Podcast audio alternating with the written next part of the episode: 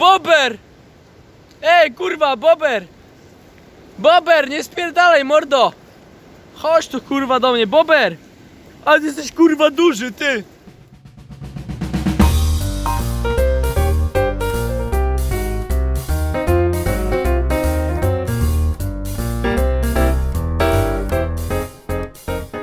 Dzień dobry, witamy Was w drugim odcinku podcastu Spocone Bobry, w skład którego wchodzą Futrzak, Dzień dobry. MSAT Cześć. oraz Xenon. Dobry wieczór. A mówiłem ja, Mati, człowiek, który jest nadal bez ksywy, aczkolwiek dzisiaj mogę mieć ksywę e, remontowe wsparcie Twojego starego. E, I proszę, proszę, proszę tak się do mnie zwracać przez, e, przez długość trwania tego odcinka.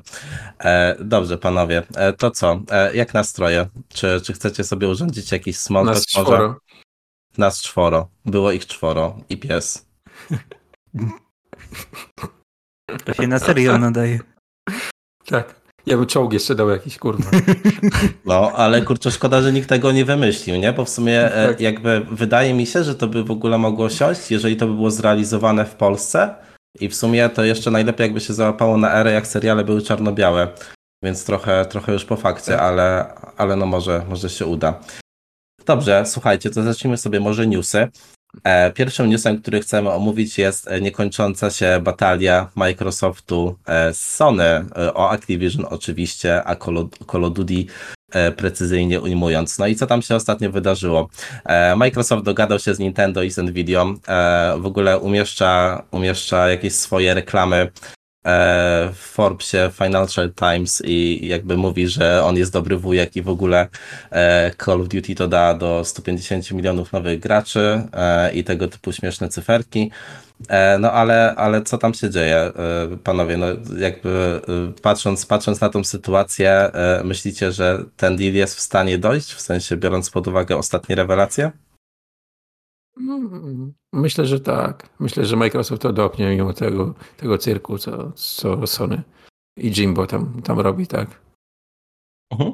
No właśnie, bo, bo jeszcze ostatnio wyszły jakieś papiery, według których e, jakby no pozycja, pozycja Sony jest trochę gorsza w, ty, w tych całych negocjacjach e, z tymi organizacjami jak FTC, tam te, te, te dwie pozostałe, brytyjska i ta z ramienia Unii Europejskiej, e, bo tam wyszło, że te ekskluzywne deale z ich strony no również nie są, e, nie są zbyt przyjazne e, gdzieś tam e, jakby zdrowemu, zdrowemu samopoczuciu e, rynku growego. E, więc, więc gdzieś tam trochę się obróciła karta przeciwko nim. No ale, ale właśnie e, jak, jak myślicie? No bo e, oczywiście pierwsze, pierwsze reakcje to są kuriozalne, tak? No bo gdzie Call of Duty na Switchu, e, ostatnie Call of Duty to chyba było na Wii U i jakby no, grali Na pewnie U. to tylko i wyłącznie ludzie, którzy grali na Wii U, więc e, no było ich może Nie czterech. powiedzieli, które wydadzą, nie? Może będzie Call of Duty 2. E, Jezu, jak chcę. Tak, tak, tak. Tak, to, to jest to, czego Switch potrzebuje. E, Wiesz co, nie powiedzieli wprost, aczkolwiek jeżeli chodzi o tą argumentację, to właśnie też gdzieś mi w oczy wpadło, że oni e, mówili, że przykładami takich gier, które, e, które jakby są w stanie się pojawić na Switchu, nie wiem, jest Apex, e, Doom, Doom, Doom Eternal e, i jakby na bazie tego e, stwierdzili, że e, silnik, który napędza na przykład Warzone'a jest w stanie się cofnąć do 2015 roku, w sensie jeżeli chodzi o układy graficzne. A tam E, tutaj-? E, no, no właśnie, widzisz, no problem jest taki, że nie, dlatego właśnie ten Switch ma w ogóle szansę, bo mówią, że Xbox One to ciągnie, więc Switch na pewno ciągnie, bo wyszedł dwa lata później, jakby logika jest tutaj e, niezbita, Tak. e, także, także no tak to wygląda, e, system seller na pewno na Switcha, ale, ale no właśnie tak poważnie, e, no bo Nvidia wiadomo w kontekście GeForce'a Now, Natomiast, e, no jak- jak myślicie, czy to jest teraz tylko takie uspokojenie właśnie tych wszystkich komisji, które sprawę badają, czy faktycznie gdzieś tam e, ta seria ma przyszłość w ogóle? No myślę, że w sumie głównie mówmy o platformach Nintendo, tak? No bo GeForce Now to, to jest trochę, trochę oczywisty temat. No pewnie wydadzą jakąś popierdółę i na tym się skończy, bo ja jakoś nie wyobrażam sobie w ogóle, jakby to miało działać. Po pierwsze, to by musiał być całkiem oddzielny ekosystem chyba dla tych konsol, no bo chociaż w sumie w Fortnite No. grają switchowcy, nie? W tym.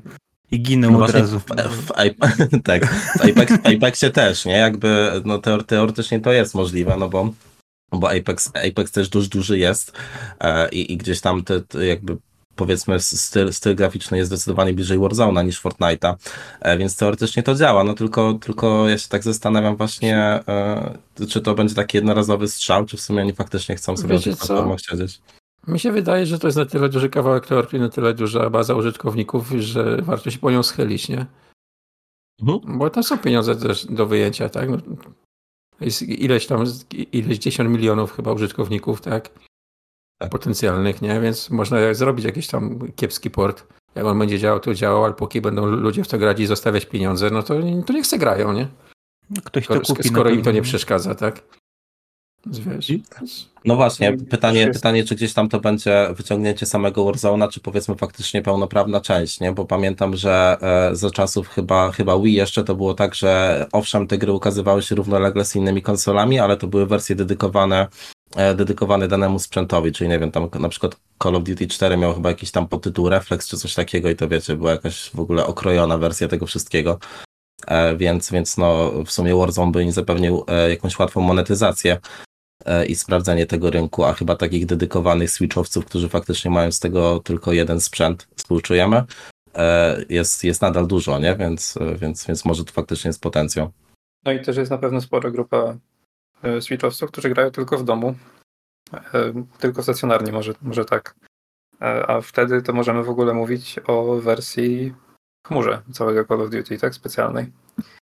E, Tak jak już wychodziły gry na te konsole w takiej, takiej wersji, tak teraz jeszcze z partnerstwem z Nvidia, to jak najbardziej myślę, że Microsoft jest w stanie to zapchać. Okej, okej, w sumie ten link mi nie wskoczył w głowę, ale masz rację, no jakby jest, jest sporo gier tak wydawanych i to nie pod jakąś taką wspólną banderą, tylko gdzieś tam e, powiedzmy per gra są robione serwery e, do tego grania chmurowego, bo tam mm, Control pamiętam miał taką wersję Kingdom Hearts, chyba mają wszystkie taką wersję, więc, więc faktycznie to działa, więc no może, może to jest kierunek. I niczym E, dobrze. powie, że się nie da, bo to jest y, shooter online jednak, no to Mhm. Fortnite'a próbowaliśmy na GeForce Now, jak najbardziej się da. Tak, No tak, tak, to- no ale wiecie, no, ale to i tak to Call of Duty będzie tam z- zabogowane, nie? Więc no. Idąc, Tak, i- tak. idąc tropem Sony, że, Właśnie, że właśnie. Microsoft z- zepsuje celowo Call of Duty na, na, na PlayStation, więc na Nintendo też na pewno będzie, będzie zepsute.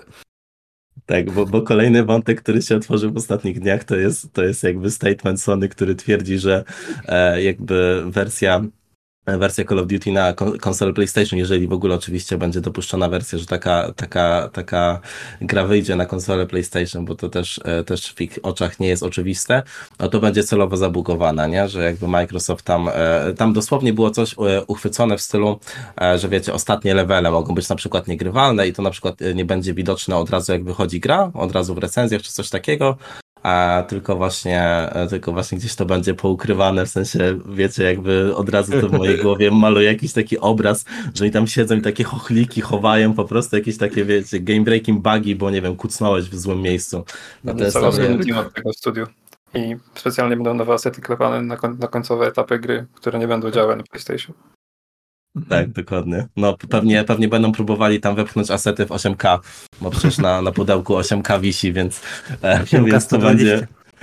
Tak, w 8K 120 i będą się paliły PS5 i tak właśnie Xbox wygra tą generację. E, no dobra, nie wiem, czy, nie wiem, czy macie coś do dodania, bo Znaczy, jakby... no, Ja wierzę w to, co, co napisała ta pani prezes Activision, że gdzieś tam za zamkniętymi drzwiami, bo powiedział, że jemu chodzi tylko o to, żeby do tego dealu nie dopuścić. Tak, i, te, i wszystkie działania służą tylko temu, nie? No wiadomo. Mhm. No, jest jednak tak heszki nauk, to jest walka dwóch wielkich y, korporacji, tak? I, z Walka jednej o wielkiej pieniądze, korporacji tak. i jednej dużo mniej wielkiej. tak, No, tak. tak. No, no, no, znaczy, no dla Sony to jest walka o życie, tak? Tak.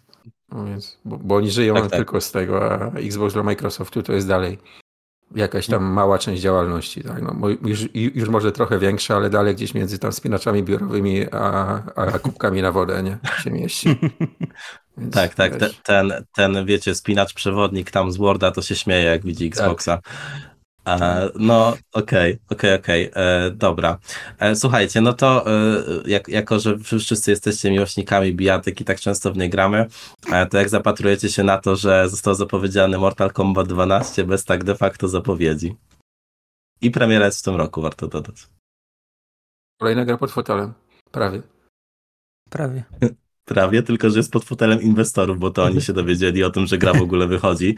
E, gracze nadal w sumie oficjalnej informacji nie mają. W sensie e, jakby to jest śmieszne, ale jeśli mam być szczery, nie mam z tym takiego dużego problemu, w sensie to, że pracuje się nad kolejną odsłoną tych, wiecie, e, flagowych bijatyk, nie wiem, Tekeny, Mortale, Street Fightery, jest oczywiste, w sensie jakby to za, zawsze się dzieje. I, i mimo, że, mimo, że jakby sensu w tym e, wielkiego nie ma, no bo i, i gdzieś tam obecnie, e, obecnie, nie wiem, wprowadzanie balansu jest na bieżąco, hotfixami i tak dalej, rozbudowa teoretycznie rosteru postaci jest nieskończona, no ale gdzieś tam e, i tak trzeba zmonetyzować tą, tą jedną część dodatkową, nie? Trochę, trochę wzorem powiedzmy sportówek, tylko, e, tylko mniej bezczelnie. No, e, dzi- dziwne to jest, e, ale, ale jakby, no, no nie wiem, nie, nie wydaje mi się, że, że, że larum, które się podniosło, jest adekwatne, że oni jakieś wielkie przestępstwo popełnili, robiąc to w ten sposób. Wszystkie te wymienione przez ciebie serie bijatyk mają dokładnie takie same bazy użytkowników jak gry sportowe, tak? Czyli są ludzie, którzy grają w nie jak, jak tylko wyjdą nowe.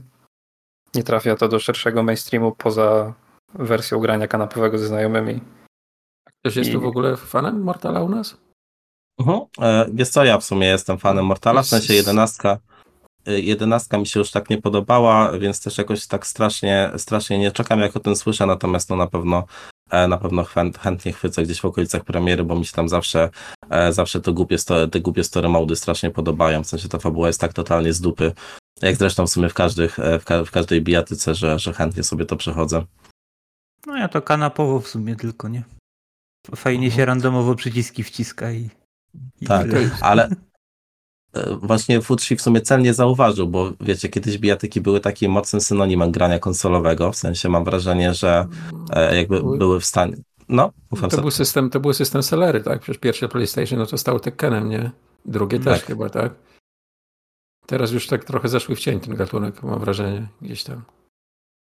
Tak, no właśnie w sumie, w sumie gdzieś tam ostatnio e, mignęła mi taka opinia, że to jest przez to, że one za bardzo nie umieją zainteresować e, singlowego gracza, tak jak kiedyś.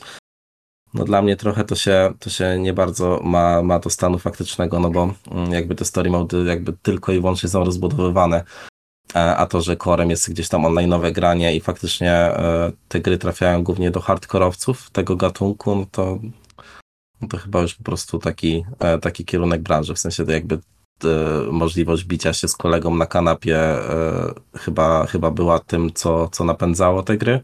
No, że teraz, tak jak my nie widzimy swoich twarzy, jesteśmy wszyscy w ogóle, pewnie, pewnie mamy twarz tego defaulta z Fortnite'a tak naprawdę i, i sobie gadamy i nie bijemy się siedząc, siedząc koło siebie, więc, więc może to jest w sumie jakiś trop, co nie?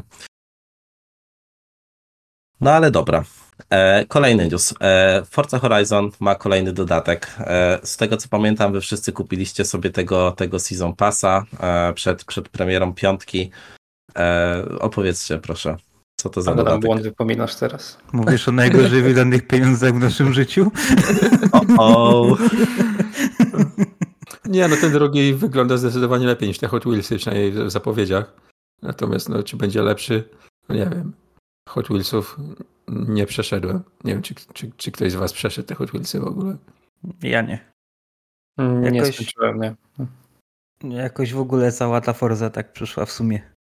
Był hype Znaczy- na początku i potem bardzo szybko opadło i już nikt nie wracał z nas chyba. Za No, bardzo Też mam wrażenie, że dużo mniej w nią grałem niż czwórkę. No, tak Jakoś samo. tak. Tak samo. Tak, no właśnie też pamiętam, jak wyglądała premiera, w sensie byliście, byliście tak mega zajarani i, i gdzieś tam no, w, tych, w tych początkowych tygodniach to trudno was było złapać na inne rzeczy, a, a faktycznie, faktycznie potem całkowicie temat ucichł, mimo, mimo gdzieś tam tego season passa, który tam majaczył na horyzoncie. E, Ale w ogóle rajdy, e, jakby to, to jest temat, który, który w kontekście, w kontekście właśnie e, tego ostatniego Horizona wydaje wam się ciekawy? Na pewno sprawdzę, natomiast no, nie wiem, czy, czy to dorówna do Dirt Rally 2, tak? O, na pewno. Wiesz, no, Najlepszej gry rajdowej, nie? Więc, głupio Nie, jakbyś czy- nie sprawdził, jak już wysupłałeś pieniądze, No. nie? tak, jak to zobaczyłem, no to mają moje wstępne zainteresowanie. O tak, mogę powiedzieć. No właśnie jakoś nie wiem, czy ten model jazdy będzie do tych rajdów tam pasował za dobrze. Tam wszystkie wyścigi rajdowe do tej pory, znaczy, bo one były wcześniej, tak jak ktoś nie grał, to, to, nie jest tak, że ten dodatek wprowadza w ogóle rajdy do Mhm. serii. Tak, tak, tak. To ten, ten system model jazdy, o którym tu mówi Xenon, to mm, komplementuje e, jazdę rajdową jak najbardziej, tyle że to jest strasznie proste. No nie Jest ma tam wyzwania. No nie jest detrali, nie? No to No i jest do tej- najlepsze podsumowanie. No i do tej pory miałeś, że zawsze te odcinki były mieszane. Ja nie pamiętam, żeby był jakiś, jaki, jakaś trasa, która była stricte shooterowa, tylko zawsze miałeś asfalt z tym shooterem, tak? Więc to też takie trochę jak sobie tam ustawiłeś samochód na shooter, to jechałeś wolno po asfalcie, nie? I to takie było. No, mi średnio te, te, crossowe wyścigi le- leżały. Jeśli to będą stricte sama ta rajdowa, no to może, może mnie to jakoś tam bardziej wciągnie. No mnie zawsze w Forzach średnio leżały, czy w Forza Horizon średnio leżały te crossowe. Praktycznie zawsze robiłem tylko te asfaltowe, jedne i drugie, uliczne i, i tam te, te, te asfaltowe były i uliczne, tak? Dobrze pamiętam. Mhm. Taki był podział. No i jeszcze był ten, ten offroad był, nie? Taki typowy, No tak, co, tak. Co, co, co w ogóle już tam... No to jest w ogóle nawet nie przełajowe, nazwijmy. Tak, Przełajowe, tak, o przełajowe, tak, przełajowe to był. Tak. Ja, ja wyścigi przełajowe robiłem samochodami, które zdecydowanie do wyścigów przełajowych nie były. A ty to zostało mi brutalnie wypomniane. Ale dobra. E, Okej, no generalnie na wulkan przyjęcie. Dałem radę? Dałem radę, dziękuję bardzo. E, dobra, słuchajcie, e, wracają, e, wracają, wraca Władca Pierścieni do kin. E, tutaj Amazon, Amazon kuje, kuje żelazo, póki gorące. E, czy, ktoś, czy ktoś z Was chce opowiedzieć o tym więcej? Bo, bo ja znam tylko ogólny zarys tematu. Ogólny zarys tematu to jest wszystko, co istnieje na ten moment chyba. Lovely, okej, no to możemy porozmawiać, jak się czujecie wobec tego. Czy, czy tęsknicie za tą marką, w sensie jakie wrażenie zostawiło po was, e, was Rings of Power i czy faktycznie jest, jest jeszcze przestrzeń, żeby, żeby to ponownie był tak kasowy hit? Myślę, że trudno będzie dobić do tego, co zrobił Jackson. I... A, a stricte wszystko będzie do tego porównywane, co wyjdzie nowe. Tak, no, ja mam wrażenie, że tutaj oczekiwania no, będą gigantyczne, nie? W sensie tak Mhm. samo e, jak to, co się wydarzyło przy Rings of Power, jakby tam no, fani, e, fani, że tak powiem, e, tej marki e, no, wykazali się niewątpliwie, e, więc, e, więc no, myślę, że myślę, że tutaj może być jeszcze trudniej, tak? Zważywszy na to, że to jest wielki ekran i gdzieś tam już będzie bezpośrednie porównanie do do trylogii Jacksona, więc, więc faktycznie. No jeżeli chodzi o, o moje zdanie, to w sumie ja, ja mam bardzo ciepłe wspomnienia z tą trylogią siłą rzeczy, bo to gdzieś tam e, towarzyszyło mi za dzieciaka. Natomiast e, jakby ja, ja, ja od Rings of Power odpadłem, nie, nie z uwagi Mhm. na to, że mi się jakoś strasznie nie podobało, tylko po prostu e, niezbyt, niezbyt mnie przytrzymało. E, Więc jakby jestem ciekaw na pewno, ale to nie jest tak, że jakoś bym strasznie wyczekiwał tego powrotu króla. No i pewnie będą chcieli doić jak Star Warsy, nie? Taki jest pewnie No. zamysł. Jest pytanie, na czym oni będą chcieli bazować tam, nie? Czy, czy, czy jakieś autorskie rzeczy będą wymyślać już całkowicie poza Tolkienem, czy, czy jednak będą na Tolkienie bazować? Tam nie, było, tam nie było w ogóle jakiejś dramy, że oni nie mają dostępu do tego, do, do tych Tolkienowych rzeczy, jeśli chodzi o, o licencję i oni tak szyją sami sobie? No właśnie chciałem powiedzieć, że, że chyba właśnie tak, taki scenariusz tutaj mamy przed nami, nie? Że oni nie będą mogli bazować na tym. Już widzę ten serial, jak dają Gandalfowi jakiegoś gówniaka do opieki. A Gandalf to Pedro Pascal. to bym oglądał. Dla, Pe- dla Pedro bym oglądał. Dopiero po odrodzeniu kolejnym, nie? Jak kolejnego Balroga ubije. Dokładnie, dobra. A słuchajcie, jak już chodzi e, o dojenie i powroty, no to e, Nie, EA... nie, nie, e, stop, stop, stop. Ja chcę powiedzieć, że mi się serial e, Lord of the Rings bardzo podobał. Był fenomenalny i czekałem na każdy odcinek. Kropka. Może ja nawet nie odpaliłem dla, dla kontrastu. Ja też nie. Także. No i Okej. zdrowy balans zachowany. Dobrze, zdrowy balans zachowany. Brakuje nam tylko hejtera, jakiegoś ukrytego fana e, Tolkiena, no ale cóż. E, dobra, e, to wracając, e, zepsułeś mi w ogóle idealne przejście. Tak. E, pom- Przypominę to milczeniem, bo... E, Okej. Potrzebniście ale- się. Tak, ale EA stwierdziło, że zapyta graczy, czego chcą. E, no bo wyszedł remake Dead Space'a, troszeczkę o nim pogadaliśmy sobie e, na, na ostatnim odcinku. E, no i w sumie całkiem dobrze się sprzedaje, e, całkiem dobre recenzje. No i EA stwierdziło, hmm, no tam jeszcze były jakieś dwie części e, i może warto zapytać graczy, czy by chcieli sobie w nie zagrać. E, Z tego co wiem, ta ankieta w ogóle wyglądała jak jakiś taki psychotest, e, co jest dosyć zabawne, E, ale, ale no wiecie, jakby tam oczywiście były pytania o, o stosunek e, do tych dwóch części, gdzieś tam, e, czy, czy, czy gracze byliby skłonni, skłonni je zakupić i no w sumie to, w sumie to ciekawe, czy faktycznie to jest takie coś, co gdzieś tam uwarunkuje ich decyzję, no bo wydawałoby się, że to tak głównie słupki to uwarunkują, niż tam jakaś ograniczona próbka e, ankietowanych graczy. E, Natomiast, e, natomiast ja z kolei jestem ciekaw, e, co wy sądzicie o tych remake'ach, w sensie e, czy graliście w dwójkę i trójkę, e, czy chcecie je zobaczyć? E, Może, może MSAT, MSAT zacznij. Nie, nie i nie. Dobrze, dziękuję, bardzo kompleksowa odpowiedź. Ja w dwójkę nie grałem, więc w remake'a bym pewnie chętnie sprawdził po tym, po tym, że y, ogrywam teraz jedynkę i bardzo mi się podoba. Dobra gra to jest. Y, także pewnie dwójk, po dwójkę bym sięgnął, w trójkę grałem, ale tylko i wyłącznie przez to, że miała koopa, bo oprócz tego no to mogliby ją zaorać, zakopać gdzieś na Marsie i, i tyle. No. Takie mam Takie- zdanie na temat Ej, trójki. Ja, ja się z tobą w pełni zgadzam. E, Dwójkę, dwójki też nie skończyłem. Chętnie, chętnie bym sobie ją ograł w takiej odświeżonej wersji. Natomiast wydaje mi się, że patrząc na to, jakie gdzieś tam zmiany zostały wprowadzone w tym remake'u jedynki, e, no to nie wydaje mi się, że byliby w stanie przeprowadzić tak fundamentalne zmiany, żeby, żeby ta trójka była faktycznie inną grą. E, No bo, no bo tak jak wspominasz, e, gdyby, gdyby nie koop, to by, to by trochę padło. Zresztą ten koop jest po części e, przyczynkiem do tego, dlaczego to padło, bo to się zamieniło w jakiś taki dziwny shooter z kill roomami, e, więc, więc no faktycznie, faktycznie ta seria zeszła w, dziwny, w dziwną alejkę. Zresztą no, na tej części się przygody zakończyły. Pewnie e, dlatego właśnie. No pewnie dlatego. E, czy jakkolwiek się zapatrujesz? Nie. Ale zastanowił się chwilę, zastanowił się chwilę, to wiesz, to jest ważne. E. Odpowiadając serio, to nie grałem żadnego Dead Space'a. Jest mi ta marka bardzo sz- szczerze obojętna i no tak, to, to chyba tyle, żeby nie powiedzieć nic gorszego. Jasne. Okej, to tak samo jak Futsi nie zapatruje się na Dead Space, to tak samo Activision nie zapatrywało się na Duty w tym roku. No i to jest trochę zabawne, bo przed wyjściem MW2 e, po prostu piali na lewo i prawo, że absolutnie w tym roku, e, znaczy w następnym roku nie będzie nowego Call of Duty, że chcą wspierać MW2 i skupić się na nim.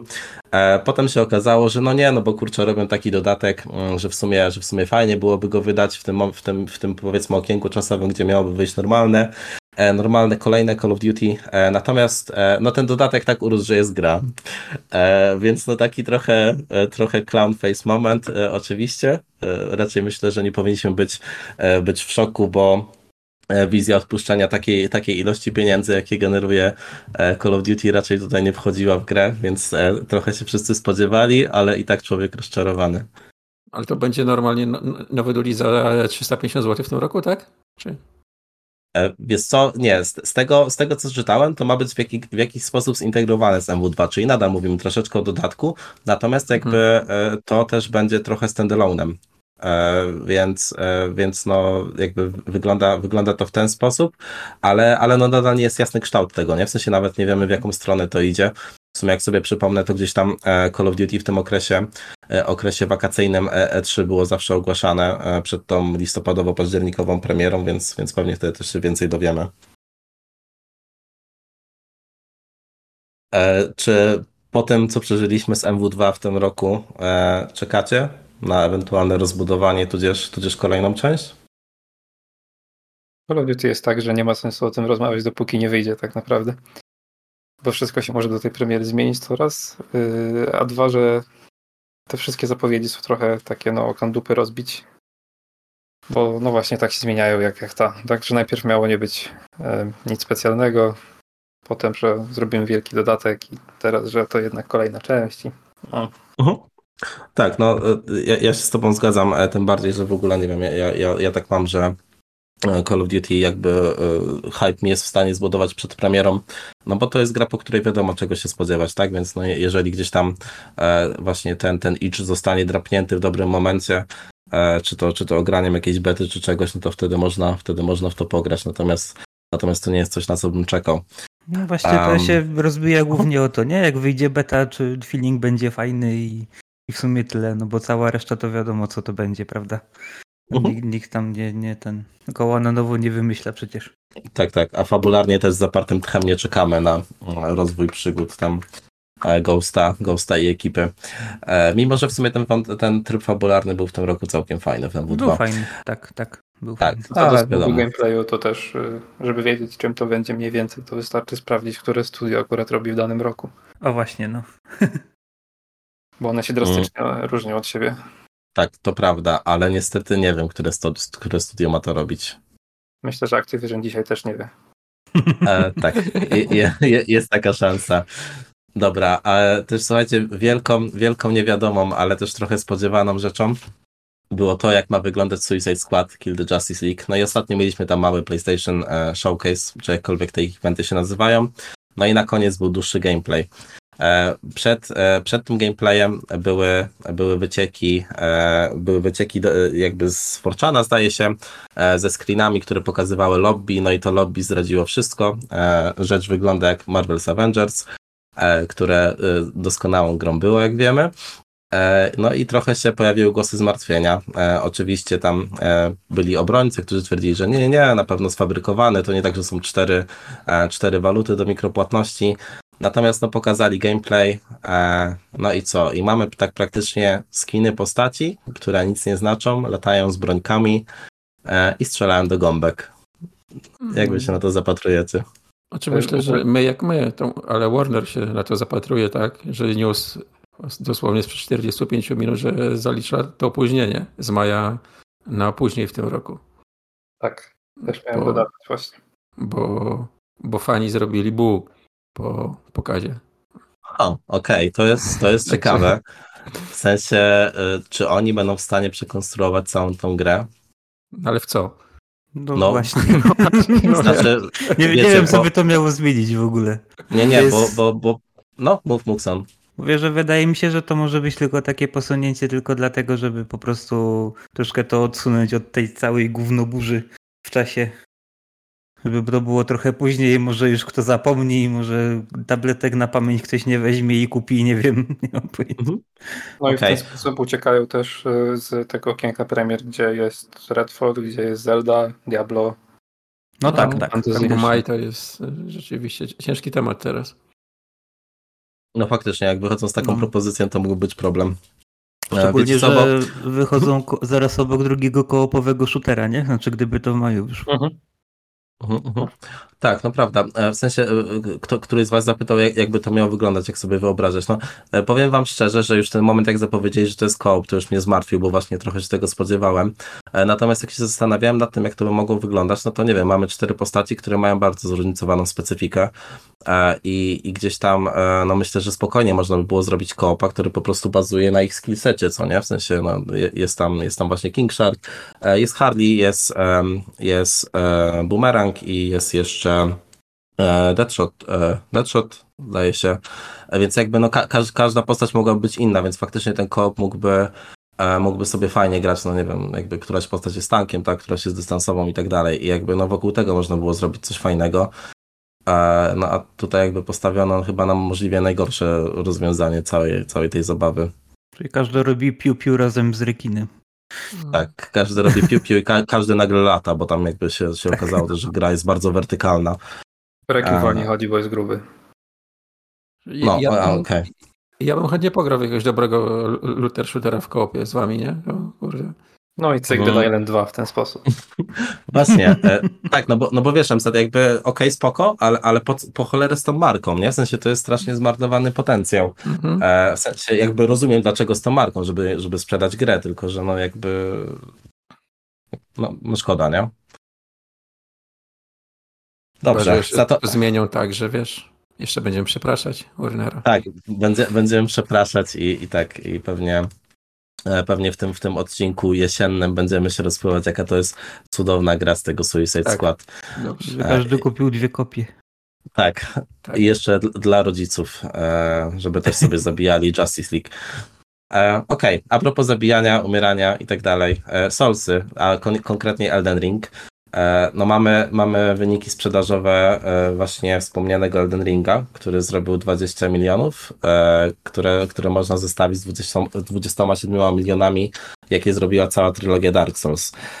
Więc no, wydaje mi się, że w kontekście tego, jakim, jakim sukcesem, w sensie jak bardzo obsypana w zeszłym roku została ta gra wszelkimi możliwymi, nagro- możliwymi nagrodami, no to, to, to nie jest jakiś super zaskakujący wynik, bo też ta przystępność wydaje mi się, że skłoniła osoby, które, które dotychczas z Soulsami jakoś super nie miały po drodze, na przykład mnie.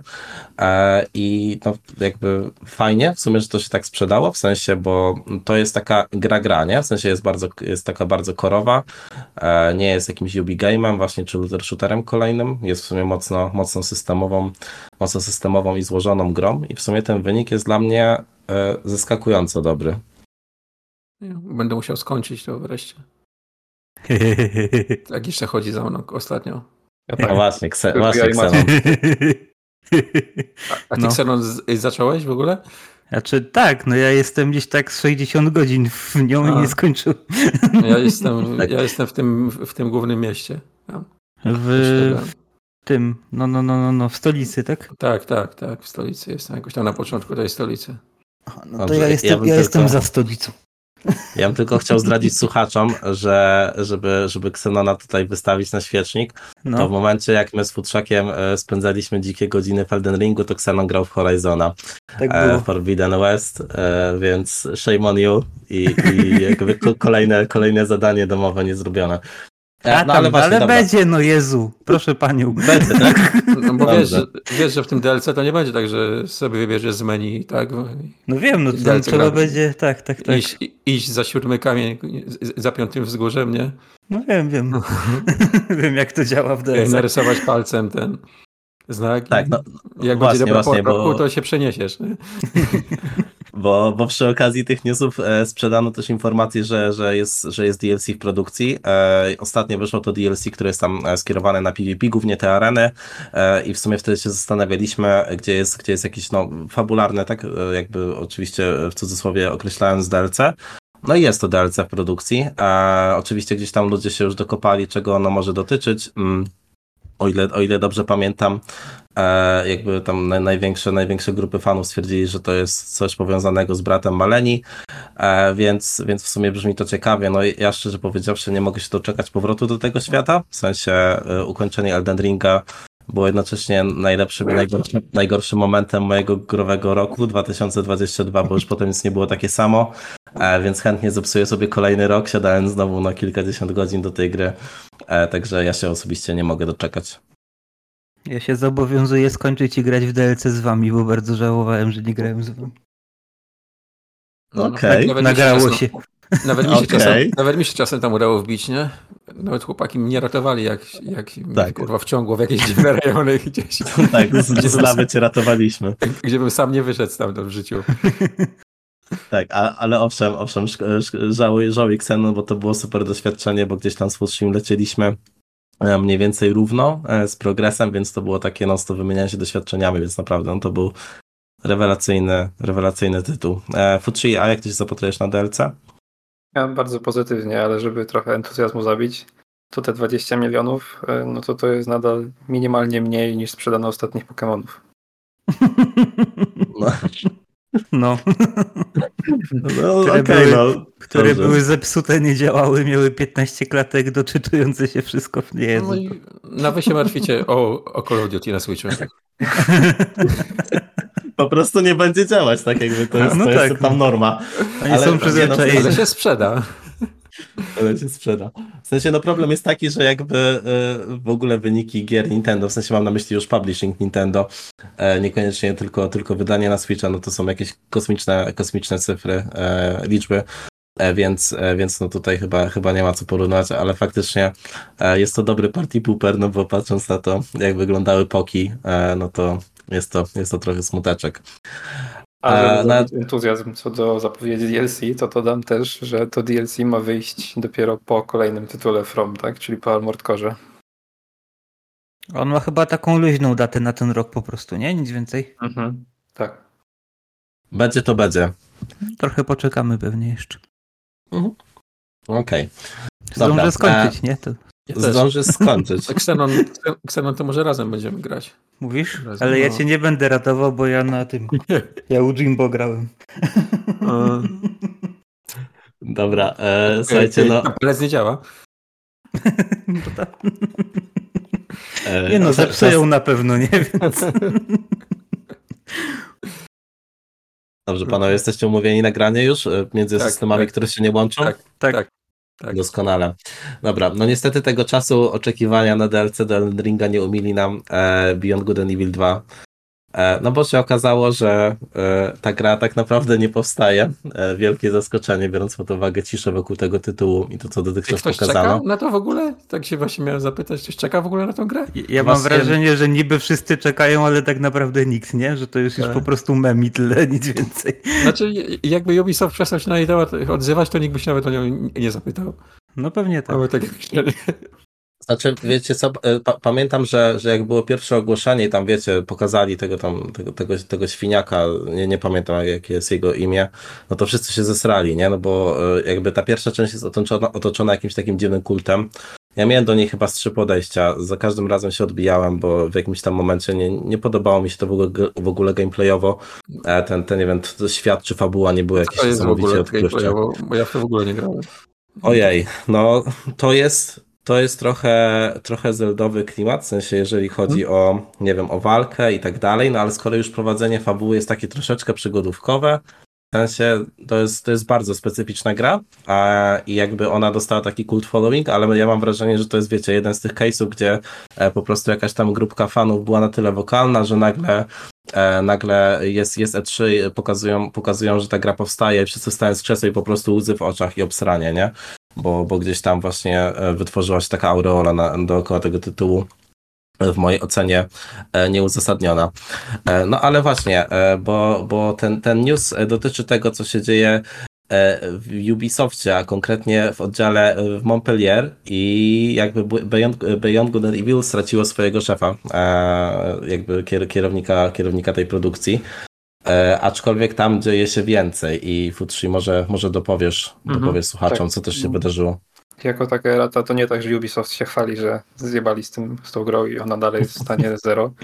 E, tylko w, w tym studiu w Montpellier we Francji e, zaczęło się, e, jak to jest ładnie ujęte, e, śledztwo e, ins- inspekcji pracy, e, bo tak, tak dużo osób z tego studia udało się na długie zwolnienia lekarskie z powodu różnych chorób, wypalenia zawodowego i tak dalej, i tak. E, No i to zostało podopane przez Kotaku. E, I stąd my się w ogóle dowiadujemy o tej sytuacji. E, I na ten moment gra nadal nie jest w stanie produkcji, tylko nadal jest w tej preprodukcji, czyli nie ma de facto nic gotowego według tego newsa. Co brzmi podejrzanie, bo już 4 lata temu Ubisoft sam wrzucał filmiki na YouTube'a, gdzie no, gameplay było naprawdę sporo i ta gra była w stanie dużo bardziej zaawansowanym niż jedna beta, która dzisiaj wychodzi, czy nawet pełna wersja. E, więc tam na pewno doszło do jakichś resetów, pewnie w liczbie mnogiej. E, Pewnie kuna wpadło do serwerowni. e, No i są teraz trochę w, e, no, no w kropce, myślę, tak? Bo jako cała, jako cała firma, nie tylko sam, samo Montpellier, e, bo jak nie Assassin, to, to Ubisoftu już nie ma. No, no mają receptę, no przecież 17 asasynów wydają, kurwa. No, Teraz, tak, o to- o tym mówię. wiesz. To jak w tym memie z tym plastrem, nie? Na ten, ten, co nalepiasz, nie? tak, tak. leci 17 asasynów, łup. Problem solved. Tak, ja, ja tylko chciałem dodać, że w ogóle w tym newsie jest takie piękne, okrągłe zdanie ze strony rzecznika Ubisoftu e, w, w oświadczeniu dla Kotaku, e, które brzmi Zdrowie i samopoczucie naszych zespołów to nasz stały priorytet. E, co jest strasznie słodkie, biorąc pod uwagę całą sytuację Ubi i to, co tam się odpierdoliło na przestrzeni, na przestrzeni ostatnich lat. E, jakby dodając jeszcze właśnie, właśnie te, te, te tutaj inspekcje, co, co, też, co też się u nich wyrabia. Ale no tak jak mówicie i też w sumie sobie gadaliśmy e, na poprzednim odcinku, no ich sytuacja jest e, skomplikowana, żeby to ująć e, w miarę subtelnie. E, No bo, no bo faktycznie, no asasyny i koniec, ale, ale no to, to chyba nadal będzie, nadal będzie ten plaster, co nie? W sensie jakby tam są takie wyniki sprzedaży tej serii, że, że zakleją tego lika. A Ja kolejny bym- Assassin e, ma konkretną datę, czy tylko rok wrzucony? Chyba tylko rok, no nie? 23. Ten Mirage w sensie. No A był to ja ten- myślałem, że był to już skład- wyszło. Nie no, gdzie? Jak wyszło? No bo miał, nie, nie, nie, no bo miał być ten jeden asasyn, który jakby Łącznie jest wszystkie chyba... Nie, nie, nie, nie, nie, nie ten. ten? E, A, ten, okej. który właśnie miał być e, e, w świecie jedynki w ogóle. I to jest ten Miraż? Teraz szukasz Tak. kogoś, kto się na, uniwersum asasynował. Tutaj nikogo nie ma. Okej, dobra, dobra, nie, nie, bo, musieli gdzie indziej zasięgnąć języka, wiesz? nie, bo właśnie pamiętam, że było tak, że oni zapowiedzieli e, kilka tych gier. Jeden właśnie ten hub, o którym ty mówisz, który koniec końców nie jest hubem w ogóle. E, jedną tą grę, która miała nawiązywać do starych asasynów stylem, ale jednocześnie powiedzieli, że to jest jed, jed, one shot, w sensie, że oni nie wracają do tego stylu, tylko żeby to będzie raczej taki RPG w stylu właśnie Valhalla, Origins Tak się i, klikło, i... to wyjdzie, tak? Mendy. Tak, tak, lo- losu losu, no. Źle po prostu zapisali jako Assassin stary.exe. Mogliby Em, częściej. Mogliby częściej, tak. A, no dobra, dobra, okej, Czy- czyli nasza, nasza wiedza o Asasynie e, myślę, że jest, myślę, że jest całkiem zgrabna. E, Ja jeszcze to, do tak mnie jak, sprawdziłem i nie wyszedł, w sensie Mirage to naj, najbliższy zapowiedziany. Ma wyjść. okej, dobrze. E, dobrze, Na, nasza wiedza o Asasynie jest, e, jest tylko i wyłącznie równa temu, jak duża jest wiedza Luminous Productions o tworzeniu gier, e, patrząc na Forspoken. E, No i No. e, jakby tutaj mamy taką ciekawą sytuację. E, Nie, nie wiem, czy pamiętacie, była taka słodka e, tendencja Square do, e, do wystrania się na każdą grę, którą robiła ich zachodnia dywizja. Do tego stopnia, że w sumie wszystko sprzedali, bo jakkolwiek się nie sprzedały Tomb Raidery, e, Hitmany i tak dalej, no to ich to nie, nie zadowalało. E, Więc no tutaj mamy wręcz taki gest, e, gest łaski, e, ponieważ no Forspoken flopnęło, jakby to też, to też wszyscy, wszyscy wiemy. Więc ich twórcy, właśnie wspomniane Luminous Productions, jest znika, ale nie znika, bo, bo dobry pan Square powiedział, że no możecie zostać w firmie, ale tam pewnie będziecie rąbać kamienie do, do, do tego, do fi- Finala 14 online. E, Więc, więc tak, to, tak to wygląda. E, Czy, czy żałujecie, czy będziecie tęsknić za, za tym niesamowitym devem? Fajne memy były. Fajne, Także- ale były. Także to jest w sumie jedyna strata. Znaczy, no, jest potencjał na to, że ich magiczny dotyk jakby przeniknie w innej grze Square, nie? Tak, bo to nie tak, że wszystkich wywalono, tylko że część przynajmniej pracowników trafiła do, do szerszego Square, nazwijmy to, tak? Tak, tak, tak. No właśnie, właśnie, właśnie no, z, tego, z tego co wiem, to chyba właśnie większość tam w ogóle została. Przenieśli ich do innej parafii, tak? Po prostu. Tak, dokładnie. Okej. Problem został zażegnany. A teraz, e, teraz przejdźmy, przejdźmy do gier. A mianowicie Marvel's Midnight Suns, e, które gdzieś ostatnio się pojawiło w jakichś tam wersjach trialowych, były darmowe weekendy na Steamie. E, no i oczywiście spore, spore obniżki, bo, bo z, tego, z tego, co gdzieś tam się, się obiło o nasze uszy, to tytuł się za dobrze nie sprzedał. Natomiast jak gdzieś tam w tej drugiej, drugiej rundzie e, sobie poradził w waszych oczach, bo z tego co wiem, Futrzy, ty też grałeś. To źle wiesz. Nie grałeś w to w końcu? Nie, Aha, czyli tylko ja grałem. tak. Okej, no to był, był darmowy weekend na Steamie, rzeczywiście zainstalowałem i spodobało mi się na tyle, że kupiłem. Natomiast no tak zacząć od początku, czym są w ogóle te północne słońca z Marvela?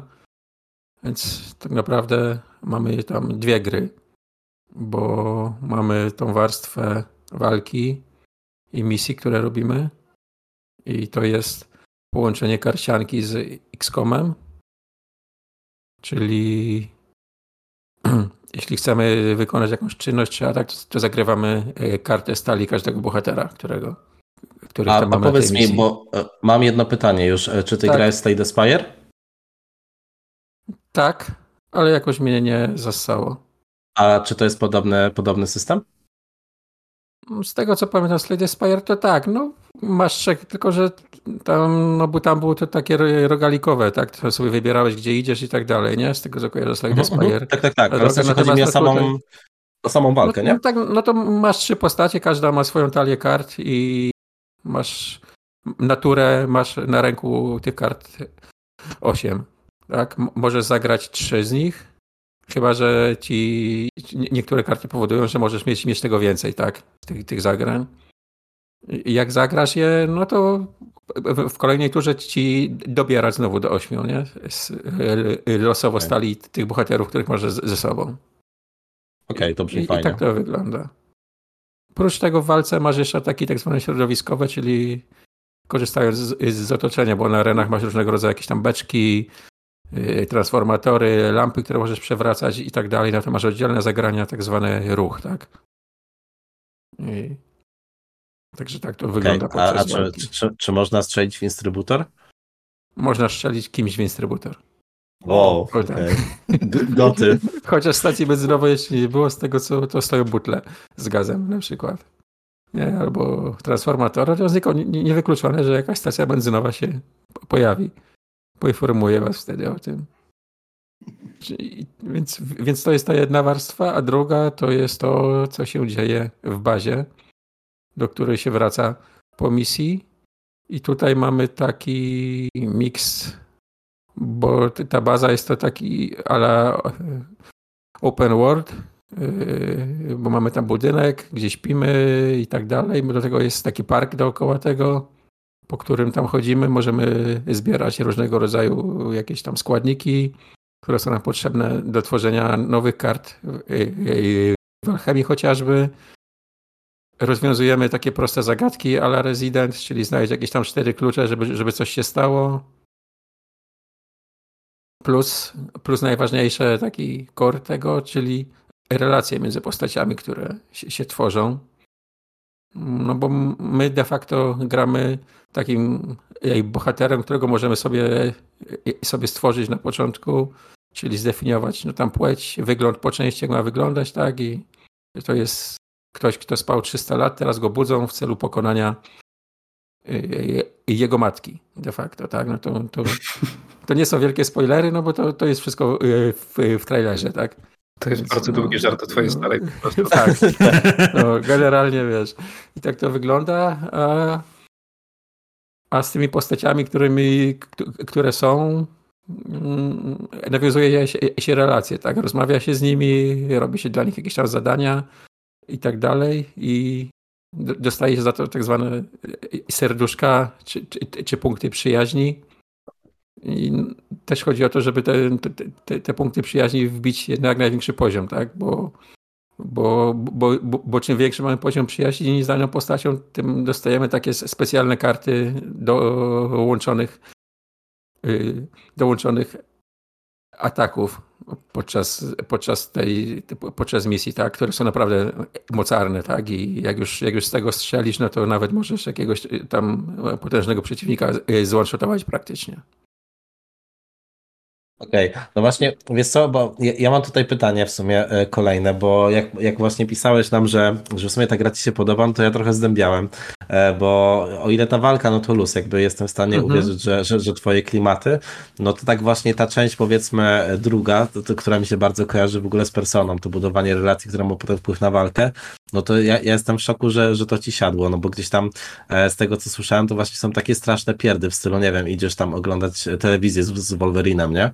Mhm. I właśnie czy, czy, czy gdzieś tam e, to jest takie coś, co zajmuje dużo czasu i można szybko przejść do walki, czy po prostu ta, ta część gry też była dla ciebie na tyle fajna, że się dobrze w tym, e, z tym bawiłeś? Nie przeszkadzała mi. Widziałem, że jakieś były narzekania, wiesz, na tą fabułę tam w ogóle i że to jakieś tam jest serowe i że, że cringe'owe i tak dalej. Znaczy to jest taka, to wszystko jest takie typowa komiksówka, tak? To nie jest nic, czego byś w komiksach nie widział tak naprawdę. Natomiast te postacie są o dziwo całkiem, całkiem spoko napisane. Tak, więc no nie bolą mnie, wiesz, zęby nie przewracam oczami, jak nie wiem, chociażby w, w, w Dying Light'cie. Tylko no nie przeszkadza mi to na tyle i jest w jakiś tam sposób angażujące. Idzie to też w miarę szybko, szybko przeklikać, tak? Więc nie jest tak, że, że jak z kimś rozmawiasz, to, to odpala się, się scena i wiesz, i, i ty siedzisz się na to patrzysz, jak oni gadają, tylko można to tam dosyć szybko przeklikać, wybrać jakąś tam opcję dialogową, tak, no bo też musisz y, w trakcie rozmowy zwracać uwagę, jakie opcje dialogowe wybierasz, tak, no bo jeśli wybierzesz złą, to ci punkty przyjaźni mogą spać zamiast rosnąć, nie? Więc też trzeba wyczuć, jak z kim rozmawiać, tak? Też jest takie, takie y, przygodówkowe, przygodówkowo RPGowe bardzo. No ale no mówię, no ten cały schemat, bo myślę też, że gdyby była sama ta walka, to też by się mogło znudzić. A tak to masz taki schemat, że idziesz na tą misję, wracasz po misji do, do bazy, jest ten moment na tą tak zwaną socjalizację, bo z reguły z tymi bohaterami, z którymi byłeś na misji, to możesz wejść w jakąś tam interakcję, potem y, kładziesz się spać, idziesz do kuźni poulepszać sobie karty, no bo po, jako nagrodę misję dostajesz albo tak zwane cewki, z których ci wypadają nowe karty dla twoich bohaterów, albo jakieś, albo jakieś artefakty, które są potrzebne do badań, tak? Bo też y, generalnie ten aspekt w bazie jest bardzo rozbudowany, bo jest naprawdę e, bardzo dużo czynności, które możesz tam sobie wykonywać. Bo masz kuźnię, gdzie robisz sobie nowe karty, rozwijasz je, masz taką jakby salę trening, treningową, gdzie sobie możesz, jeśli masz na przykład dwie takie same karty, możesz je ze sobą połączyć, żeby ci powstała mocniejsza karta, tak? Teraz mówię, doszła mi alchemia, gdzie z jakichś tam śmieci, które zbieram w bazie, możesz też tworzyć jakieś karty, tak? Możesz tworzyć przedmioty tak zwane jednorazowe do użytku, nie? Więc, więc też, też jest co robić, tak? Poza tym. Poza tym. Okej, okay, ale, ale to trochę wybrzmiewa, jakby ta część w bazie była przeważającą częścią rozgrywki. No bo jest, wiesz co, no bo jest długo o tym się, się opowiada, tak? Natomiast szybciej się znacznie to, to robi tam, tak? Dla okay. mnie to jest tak pół na pół, można powiedzieć. Że w tym momencie to gdzieś tam jeszcze zajmuje to co połowę y, na tych misjach. No bo te misje też z reguły masz misje fabularne i masz misje tak zwane poboczne, tak, za które dostajesz tam jakieś albo jakąś walutę, albo jakieś, albo jakieś surowce zbierasz. Ale no okay. tak mniej więcej wychodzi pół na pół. Okej, okay, no to, to, w sumie, to, w sumie, to w sumie brzmi Natomiast dobrze, bo gdzieś tam... Mhm. Mnie ten lub złapał, tak? Jakoś tam i, i, i naprawdę całkiem fajnie mi się w to gra. Yy, w bazie podoba mi się to, że nie masz takiego ciśnienia, jakiegoś i takiego stresu, że czegoś ci ciągle brakuje, że cię coś goni, że wiesz, jak coś zrobisz jedną rzecz, no to ci, nie, ci, ci brakuje na drugą. To chyba w XCOMie było takie, wiesz, Y, stresujące, takie mikrozarządzanie i ciągłe, na, na takim ciągłym kryzysie, nie? Jechanie. E, tutaj nie masz tego po prostu. Jak ci czegoś brakuje, to idziesz sobie zrobić misję poboczną i już masz jakieś tam surowce, tak? Czy jakąś walutę, która ci jest potrzebna do czegoś, nie? Tak, tak bardzo na luźno. Okej, okay, a właśnie chcia, chcia, chciałem cię pytać, czy ty jesteś osobą X-komową? Nie. Okej, okay, okej, okay. no bo właśnie nie. ja też zawsze się odbijałem od podejść do tego gatunku i jak zapowiadali tą grę E, i okazało się, że to jest właśnie w stronę X-Koma, no to szczerze mówiąc mi opadł i jakby w ogóle straciłem zainteresowanie. E, więc, więc właśnie byłem ciekaw, czy wiesz, gdzieś tam e, to bardziej trafi do takich osób, czy właśnie osoba, osoba, która z gatunkiem jakoś nie jest za bardzo za pan brat, też będzie w stanie w to pograć. No to, no to ja w to gram, tak? I nawet y, chciałbym to skończyć, o, tak powiem, nie? Już mam 12 godzin za sobą gdzieś, gdzieś bite, tak? Także... Okej. Okay. No i to jedyna gra, w której możesz iść sobie ze Spider-Manem na grzyby na przykład, nie? Wow. To, to brzmi jak marzenie. Albo z Blade'em y, czytać książki razem przy kominku, nie? Wiesz.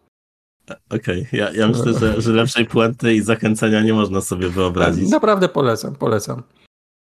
Z tego, co mówiłem i z tego, co czytałem o tej grze sam, to jestem zaskoczony, jak, jak bardzo przemyślana się wydaje przynajmniej.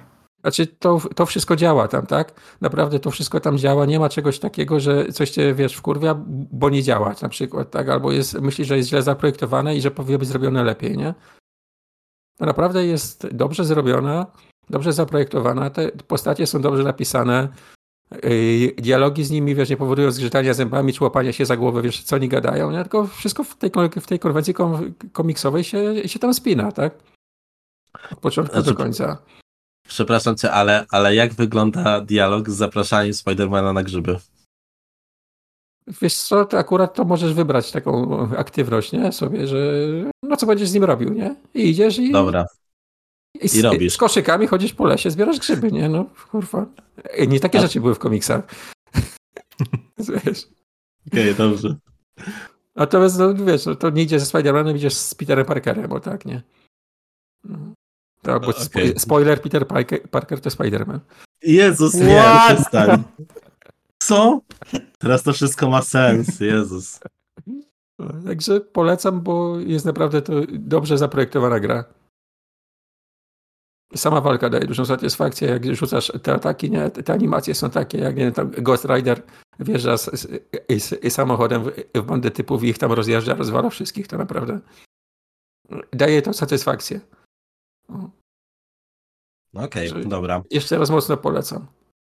To brzmi Okej, zachęcająco.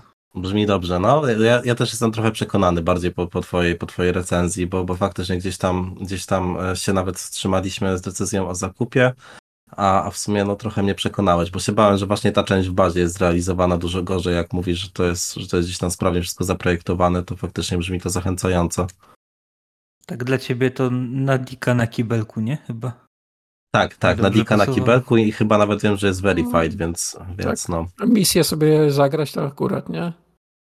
Mhm. Bo to tam dzisiaj grania jest, to misja jest 10-15 minut, powiedzmy. Dobra. Zależy. Mm, Wiem za to, że na kibelku nie pogramy w, Returna- w Returnala, a gra nie jest wspierana na Diku, niestety. Natomiast wersję PC-ową, która wyszła niedawno, grał Futri, z tego co wiem. Owszem, to się zgadza. Ja grałem również Returnala na PS5, jak wtedy wychodziło. Więc mam też porównanie między tą a tą wersją. Em, I w dużym skrócie to to jest pewnie jeden z najlepszych roguelike'ów ostatnich czasów, a na pewno najlepszy z tych wysokobudżetowych, no bo konkurencji w tym, w tym gatunku już nie ma. Em, Natomiast y, biorąc pod uwagę to, jak się sprzedał, to szkoda, że nie będzie miał kontynuacji. Bo na pewno gra była ho- horrendalnie droga, a nie wiemy, czy to do miliona kiedykolwiek nawet dobiło. E, I tak, po kolei. E, Warstwa fabularna całej gry jest mocno pokomplikowana, ale tak w zasadzie to fabuła jest dość łopatologiczna. E, Mianowicie pani astronautka, e, nie chcę tu źle powiedzieć, ale chyba prywatnej firmy ląduje sobie na planecie, na której lądować nie powinna. Statek podczas lądowania się rozbija i ona, ona oczywiście traci kontakt z bazą. No i próbuje jakoś na tej planecie odnaleźć e, w sposób bardzo nazwijmy to Biały człowiek podbija nowy ląd. Tak. Dokładnie tak. Właśnie w taki sposób. Em, I no cóż, e, szybko dochodzimy do tego, że fabuła e, odkrywa się wraz z każdym kolejnym dniem. E, Takim dniem świstaka, bo tak to, tak to jest napisane. Mianowicie każda śmierć w grze kończy się tym, że bohaterka budzi się z koszmaru. I fabułę odkrywamy tylko w taki sposób, gdy uda nam się znaleźć jakieś e, zapisy audiologów w trakcie odkrywania nowych części świata. Em, I, I to jest cała fabuła. E, Nie będę jej spoilerował. Em, A wiesz co, a ja w sumie jestem ciekaw, bo zważywszy na to, że, jest, że to jest tak e, mocno gameplayowa gra, czy ta fabuła to jest coś, co faktycznie warto, warto śledzić, czy można to całkowicie olać? Można to olać. No, nie będziesz za to jakkolwiek ukarany gameplayowo.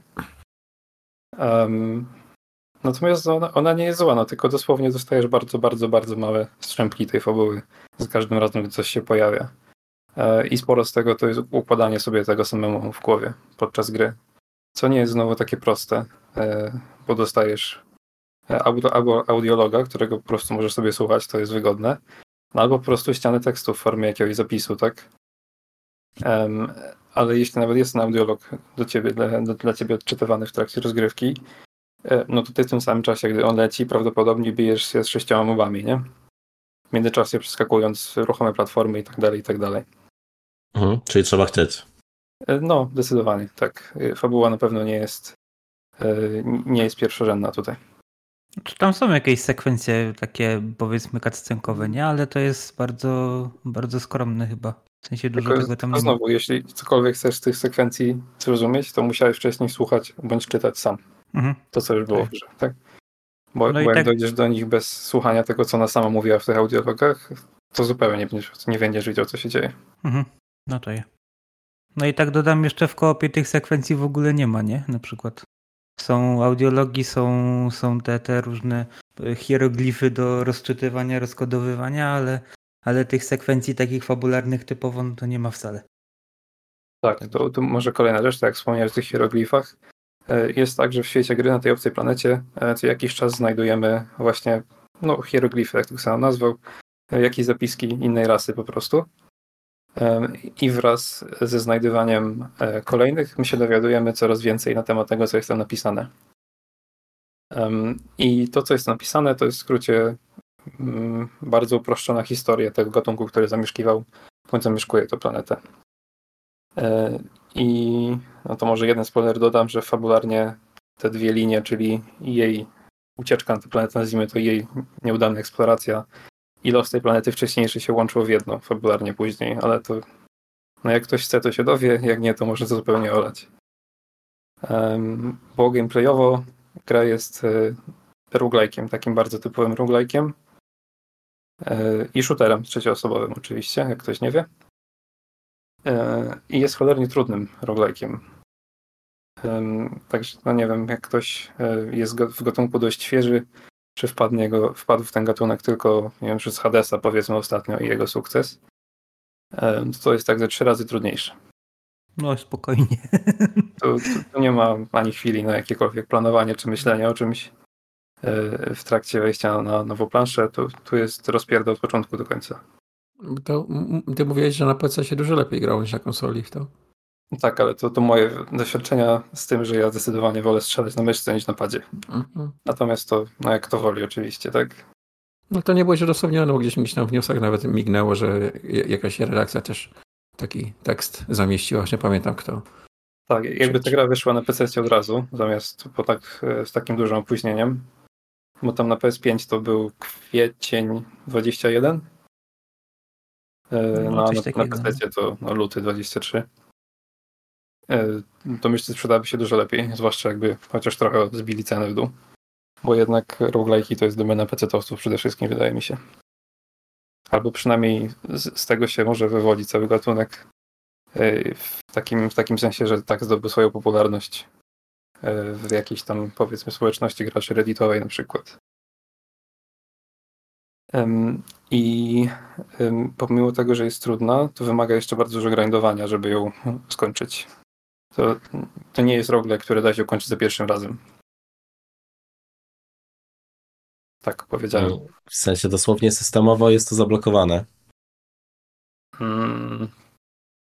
Chcę powiedzieć, że tak, ale nie dam sobie ręki uciąć. Tak mi się wydaje, że jest moment odcięcia.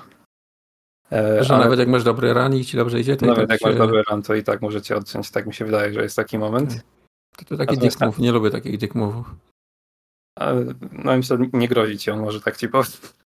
Wiem, znaczy nawet, nawet ja to od tego bardzo wiesz. Bardzo szybko Kijem. dojdzie się do momentu, bo- bo ja miałem taką, takie doświadczenie podobne z właśnie tego przejścia z wersji PS5 na PC, e, żeby, no nie wiem, powiedzmy, że doszedłem do jakiegoś etapu e, na PS5 po 5-6 godzinach. E, Tak na PC ja w tym miejscu byłem po godzinie, godzinie 15. Hmm. Tyle, że potem dobiłem do takiej ściany, gdzie jest różnica e, levelowa samego sprzętu w grze, e, że no ja musiałem naprawdę mocno się starać, żeby ubić cały ten poziom, te moby na tym poziomie, a one miały na dwa strzały. No właśnie, a, a powiedz proszę, bo w sumie to mnie ciekawi, e, co, co, w tej, e, co w tej grze jest rogue- roguelike'owego, w sensie co się przenosi pomiędzy ranami? E, Rozwój, jakby to łatwo ująć, specyfiki broni, może tak, bo to jest tak, że używając danej broni, może jeszcze inaczej, wszystkie, jest kilka rodzajów broni i każda z tych broni ma jeszcze dodatkowe e, ścieżki rozwoju jakby. E, I wraz z używaniem tej broni ona, ten rozwój postępuje, tak? Czyli zmienia się jej specyfika. Przykładowo na starcie jest karabin e, automatyczny zwykły, taki jak masz w każdym, w każdym FPS-ie. Ale jeśli z niego długo korzystasz i akurat on ma tego traita, czy tam perka, czy jak to sobie nazwiemy, e, to będziesz z niego i w końcu wbijesz ten cały na nim poziom, to będziesz strzelał wolniej, ale każdy strzał będzie mocniejszy. No i każda z tych broni ma jakieś takie właśnie traity, które się odblokowują i ewoluują wraz z używaniem danej broni. I to jest coś, co, co właśnie przynosi się z ranu na ran. I faktycznie mocno wpływa na to, jak się walczy przede wszystkim z bossami. Mm, Okej, ale to na przykład e, działa w ten sposób, że musi się skupić, e, w sensie wiesz, pogrindować rozwój jakiejś konkretnej broni, bo ona jest e, na danego bossa najbardziej efektywna? Nie musisz, ale no tak sugeruje logika, nie? Jak nie Okej, chcesz okej. totalnie wbawić w Syzyfa i, i dążyć do, do porażki tak, no to w pewnym momencie trzeba tak zrobić. Mhm. Okej, a w ogóle po, poza, poza sterowaniem, czy, czy widzisz jakieś, e, jakieś różnice pomiędzy wersją PC-ową a tą, tą, którą ogrywałeś na PS5? Chciałem mówić, że stabilność i ogólnie wydajność, no to zależy jaki to ma sprzęt. E, I nie tak, że to było problematyczne na piątce, przynajmniej w singlu. E, Natomiast no, na PC dużo więcej możesz sobie klatek z tego wycisnąć, nie? I no i w tak Mhm. dynamicznej grze to zakładam, że może mieć dla kogoś znaczenie. Jasne. Jasne, jasne. No właśnie, ja też, ja też za Returnala chciałem się zabrać, w sensie e, gdzieś tam, e, gdzieś tam właśnie no, też przepadam za roguelike'ami, też takie bullet helle e, są mi bliskie, więc, więc w sumie to, co, to, co mówisz, e, jest, jest dla mnie zachęcające. No i wizualnie gra jest przecudowna. E, Jeśli ktoś ma OLEDa, to, no, to koniecznie podłączcie cokolwiek pod tego OLEDa i na tym OLEDzie grajcie. Zgadzam się. E, Nawet Switcha? Nawet Switcha. Mimo A Switcha nie OLED? No nie, no O, bo tam jakie kombo. Jest, Ale OLEDa do OLEDa to po, masz, masz razy dwa wtedy. wybuchnie. Stary. No nie, to, to jak, jak magnesy plus i plus, to się będzie odpychać. No ale tak serio, czy to PS5, czy wersja PC-towa, jeśli macie opcję podłączyć to pod OLEDa, to tak zróbcie. Bo to wygląda niesamowicie e, i tych czerni tam jest od cholery, więc e, wszystko po prostu, jak ma błyszczeć, to błyszczy tak, że wypala oczy. I jeszcze warto zwrócić uwagę pewnie na audio, e, które też jest bardzo klimatyczne. E, No i design tego audio jest związany z samym gameplayem też, e, bo poza samym feedbackiem na kontrolerze PS5 e, jest też właśnie feedback audio, kiedy na przykład e, musisz przeładować. Tak. Przeładowanie zrobione jest w taki sposób, że reloaduje się automatycznie tylko po skończeniu się amunicji w magazynku. I możesz przeładować normalnie, albo możesz przeładować e, z tym takim perfect timingiem, tak jak była ta mechanika w Gearsach, tak? Że masz tam jakieś okienko, jeśli trafisz w tego reloada w tym okienku, to twoje, twoja broń zadawać większe wrażenie przez krótki okres czasu. O, E, super, I lubiłem to ma feedback audio i to ma też właśnie feedback na padzie. E, No na Okej. PC, no na myszkach tego nie mieli jak oczywiście zrobić. Nie? Mhm. Czyli polecasz. Tak, jak najbardziej jest fenomenalny. Ja w koopie nie polecam, że tak jeszcze dodam. Tak, ja, ja kopa nie Mm. próbowałem, co on wspominał, że w kopie to nie działa zbyt dobrze. Tak, Na tak. PS5, Znaczy, tak. znaczy, po pierwsze, jeśli chodzi o samą wydajność, no to momentami jest źle. E, Znaczy, pierwszy, pierwszy świat jest ok, ale znaczy, nie świat, biom. Pierwszy przepraszam, że ci okej. przerwę, bo No. ty, e, ty grałeś e, koopa na PS5, tak? Na PS5, tak. Tylko dla porządku? Okej, spokojnie. Tak. No i pierwszy biom jest, jest ok. Tam nie mam zastrzeżeń absolutnie co do wydajności, ale już w drugim się zaczyna, zaczynają schody. I momentami jak wyskakuje naprawdę chmara przeciwników, to, to, to tam czuć, że dropiło. Także, także to jest akurat, akurat słabe. No i, no i cały ten koop jest taki, powiedzmy, mm, bardzo na doczepkę, bo on nie był y, od początku y, zaimplementowany, tylko on wyszedł później w dodatku. E, No i, no i, no i tak jak mówię, no on jest bardzo na doczepkę. E, Przede wszystkim no, progres się nie zapisuje u, u tego, który dołącza do Go Hosta, Ja no ale to jest standard ostatnio. Ale co- to jest w ogóle za, za problem? Ja nie rozumiem tego. To jest kurde. Tym bardziej w takiej grze, nie? W No. sensie... No bo na przykład jak w Dying Light'cie na to narzekaliśmy, no to tam wiecie, teoretycznie jest masa w ogóle takich e, czynników różnicujących, tak? Powiedzmy stan świata u danego, u danego gracza, więc Mhm. jakby no tam są argumenty za tym, ale tutaj mamy grę, która literalnie jakby jest w stanie pomiędzy kolejnymi ranami zapisać rzeczy, nie? No tylko postać, tak ci zostaje tak naprawdę z tego, nie? I, I to, co tam sobie rozwinąłeś, no to kurde. Nie rozumiem. Może dodam, że zapisanie tego progresu ma bardzo duże znaczenie y, gameplayowo też, bo zrobione to jest tak, że za każdym razem jak się respawnujesz, tudzież budzisz z koszmaru, to każdy pokój generowany jest losowo. I jeśli już danego bossa, tam pierwszego, drugiego, trzeciego, czwartego zabiłeś, e, to struktura będzie generowana inaczej. Mianowicie będzie jakaś szybsza ścieżka e, do wyższych, tam kolejnych biomów, żebyś nie musiał od samego początku Mhm. klepać całej mapy Tak. od zera. Okej. To pomyślane dobrze akurat. Tak. Natomiast jakby tego nie zrobili, to ta gra by skończyła 10 osób dosłownie, nie? Bo byłaby tak długa i irytująca na niektórych. No jakby trzeba było cały powiedzmy run przejść idealnie, no to tak To od początku do jedno, końca. ale, ale przejście bez stracenia życia, czy Tak, tak, tak, tak. no, tak.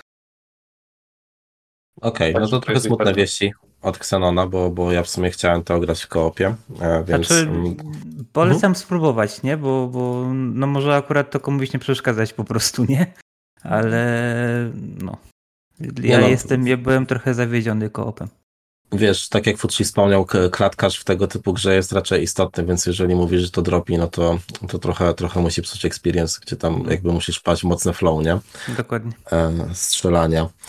No ale dobrze. E, mówiąc o, o super experience, to taki experience czeka, e, czeka nas za dwa tygodnie, jak wyjdzie remake Resident Evil 4. E, no ja oczywiście e, mam okres przygotowa- przygotowawczy e, jakby do, do tej premiery z uwagi na to, że wielkim fanem Residenta jestem. W związku z tym grałem w Residenta, w którego jeszcze nie grałem, czyli Residenta Evil 4 z 2005 roku. Na PS2 No i tak, nie, nie, nie, nie. Gram, gram, na, gram na Steam Decku w tą wersję odświeżoną. To jest chyba drugie odświeżenie tej gry, czyli to jest ta wersja, która równolegle sobie wyszła na PS4, na tej generacji zdaje się. E, Więc jakby no mamy tam trochę do, dostosowane, dostosowane sterowanie i tak dalej. E, Ja się trochę chciałem zmierzyć z tą grą. E, W takim momencie mojego zwiększonego zainteresowania e, właśnie w okolicach premiery tej gry, pamiętam, że zapisało mi się e, w głowie, że po pierwsze to jest koszmarny escort quest, e, a po drugie, że e, jakby jest kilka takich momentów, gdzie bije się po prostu pokłony. W sensie wtedy gracze bili pokłony przed telewizorem, bo były tak przełomowe, jak na przykład wejście El Gigante. No i jakby chciałem sobie koniecznie to sprawdzić, e, jak to się w ogóle e, ma e, w tym, w tym, w tym roku, jakby biorąc pod uwagę to, jak wyglądają choćby e, ostatnie remake Residentów. No i powiem wam, że Jestem dosyć pozytywnie zaskoczony w takim sensie, że to jest już ten etap rezydentowego gameplayu, że owszem, jakby no, nadal mamy przystawanie, żeby przymierzyć i tak dalej, to jakby te wszystkie ułomności sobie żyją. Natomiast jeżeli gdzieś tam ktoś jest w miarę z nimi zapoznany, nie wiem, choćby, choćby przez, przez późniejsze tytuły, piątkę czy, czy szóstkę, e, no to, to, to, to jakoś to tak strasznie, strasznie nie przeszkadza i w sumie e, no, no jest po prostu rezydentowe, tak? W sensie to, to jest jakby drewniane. Nie, nie, nie, nie będę się absolutnie z tym kłócił, natomiast e, grało mi się w to zaskakująco przyjemnie. E, No i właśnie e, to, to, co też mnie strasznie ciekawiło, to jest fabuła, bo e, no Rezydenty słyną ze strasznie głupiej fabuły. E, Tutaj wiedziałem, że ta fabuła jest wybitnie głupia. No i, no i nie da się ukryć, że jest wybitnie głupia, ponieważ e, Ashley, czyli, czyli właśnie ta nasza e, ta nasza e, e, jakby bohaterka druga, e, przez którą tego escort questa mamy, to jest córka prezydenta, która jest w jakiejś w ogóle hiszpańskiej wiosce. E, wiadomo, e, USA oczywiście. E, tak, Ta najważniejsza córka. tak, ta najważniejsza córka świata, więc to właśnie ją musimy uratować od, e, od czegoś, czego oczywiście e, nie jesteśmy w stanie zweryfikować, ale za czym zapewne stoi Umbrella, e, czyli te przeklęte dzieciaki świata rezydenta. E, no i, i jakby no to tam, tam się dzieją w ogóle absurdalne rzeczy. Ta, tam, tam są jakieś wątki religijne, tam jest jakiś jakiś chłop, który wygląda jak Napoleon e, i, i jakby on jest jednym, jednym z głównych przeciwników. E, więc, Tam więc to wszystko jest wygląda takie... jak babcia swoją drogą, tak patrząc Tak. na gameplay. Nie Tak, wiem tak, skąd no to właśnie- się wzięło. W- w- Właśnie ja, ja Nawet- bardzo, ja bardzo, tak? Mhm. Nawet nie wiedziałem, że to jest facet, jak zobaczyłem po pierwsze. Dopiero jak się przedstawił, to... Tak, tak, to, to jest facet i właśnie e, ja strasznie chciałem tego doświadczyć, bo e, jakby ze wszystkich materiałów, które wypływałem na, na temat remake'u, to widać, że ten ton jest strasznie zmieniony, e, bo, bo czwórka jest bardzo niehorrorowa, w sensie no jakby mi trudno czuć e, atmosferę zagrożenia, w momencie jak ten świat przedstawiony jest tak debilny i, i gdzieś tam no, ratuje córkę prezydenta USA, tak, latając po hiszpańskiej wiosce. To jest trochę dziwne. E, ja gdzieś przyszedłem, przyszedłem tego rezydenta e, w dwóch trzecich powiedzmy. No i szczerze mówiąc, zabawiłem się dobrze. E, Jakby ja tutaj nie chcę się strasznie rozwodzić. E, Chciałem zrobić takie, takie króciutkie, e, króciutkie preludium e, przed, przed omówieniem właśnie remake'u, e, w który, w który gdzieś tam na pewno z Xenonem będziemy grać. Tak będzie. E, tak, I, i, i powiem wam, że właśnie e, jeżeli chodzi o ten moment, który przywołałem, czyli to wejście El Gigante, To, no ono dzisiaj jest śmieszne, nie? No bo to jest, wiecie, jakby no wizualnie absolutnie nie zachwyca. Jestem w stanie sobie wyobrazić, że jak ktoś zobaczył to na CRT-ku na PS2, e, to po prostu tam no, bokserki zostały przebite z podekscytowania. Ale, e, ale no dzisiaj to już nie robi takiego wrażenia, natomiast jestem ciekaw bardzo jak to ograją e, właśnie w remake'u czwórki. I, tak jakby patrząc sobie, e, patrząc sobie na całość tego remake'u, no to gameplayowo jakby wiem czego się spodziewać, to na pewno będzie, e, będzie po prostu powielanie tego, co gdzieś tam było w dwójce i trójce z dodatkowymi mechanikami w otwarciu e, sobie, e, sobie wraca, tak, jak, tak jak to wyglądało w czwórce. Natomiast no właśnie ja jestem mega ciekaw, jak oni zmienią ton, ton tej całej gry, bo tam jest tyle elementów, które musiałyby być jakoś zmodyfikowane, żeby utrzymać e, nieco poważniejszy, nieco poważniejszy wydźwięk całości, E, że no, jestem, jestem strasznie ciekaw, e, więc e, jakby nie, nie polecam już na ten moment oczywiście powrotu, powrotu do czwórki, chyba, że gdzieś ktoś rezydenty lubi, tym bardziej to czwórka za, czwórka remake za rogiem, natomiast no, przeżycie było, było bardzo ciekawe, więc tak. Ja tak a propos e... tych zmian widziałem uh tylko jedynie taki krótki filmik z porównaniem jednej i drugiej wersji, no to tam całe dialogi się, całe linie dialogowe się różniły prawda? Tak, Więc... no wiesz co, jeżeli by zostały te linie dialogowe z czwórki, to myślę, że byśmy wszyscy kwiczeli, jak po prostu na, na polskim kabarecie, gdzie chłop się przebrał zabawę, więc e, no to jest, to jest, to jest ten poziom cringe'u i, i gdzieś tam e, ja, rezydenty właśnie te wcześniejsze części zawsze były cringe'owe i to jakby ta fabuła była strasznie debilna. Natomiast gdzieś tam od 1 do 3 powiedzmy utrzymywał się ten taki klimat e, grozy i takiego trochę nieznanego zagrożenia. Te potwory były straszne i tak dalej. Natomiast no tutaj jakby mam wrażenie, że to poszło trochę w śmieszność już e, mhm. i, i potem, potem już wiemy, co się dzieje w piątce i tak dalej, tam już e, no, dzieją się rzeczy. E, więc, więc jakby tak, no tak, tak jak wspomniałem, fa, fajnie było to poznać, natomiast no i tak bardziej czekam, aż remake czwórki wyjdzie. tak, no właśnie tak swoją drogą to niestety e, naszych wrażeń nie będziemy w stanie opisać dzisiaj, bo nagrywamy to 9 marca i dzisiaj ma się pojawić demo, natomiast to demo pojawi się po pokazie, który jest o 23.30, e, więc smutek gigantyczny, ale, ale no myślę, że na następnym odcinku e, już sobie pogadamy o pełnej wersji. Dobra. Futrzak nie ma żadnych pytań co do recenzji Rezydenta. Jestem trochę w szoku. E, więc możemy przejść do następnego. Jego już nie ma chyba. Chłop, chłop, chłop, się wyprowadził z kraju. Pakuje się. Sprzedał mikrofon i uznał, że nie ma sensu w sumie. Dobrze. Dobrze. E, pozostając w klimacie gier japońskich, e, mamy Ulonga Fallen Dynasty. E, czy ktoś z Was chciałby zacząć?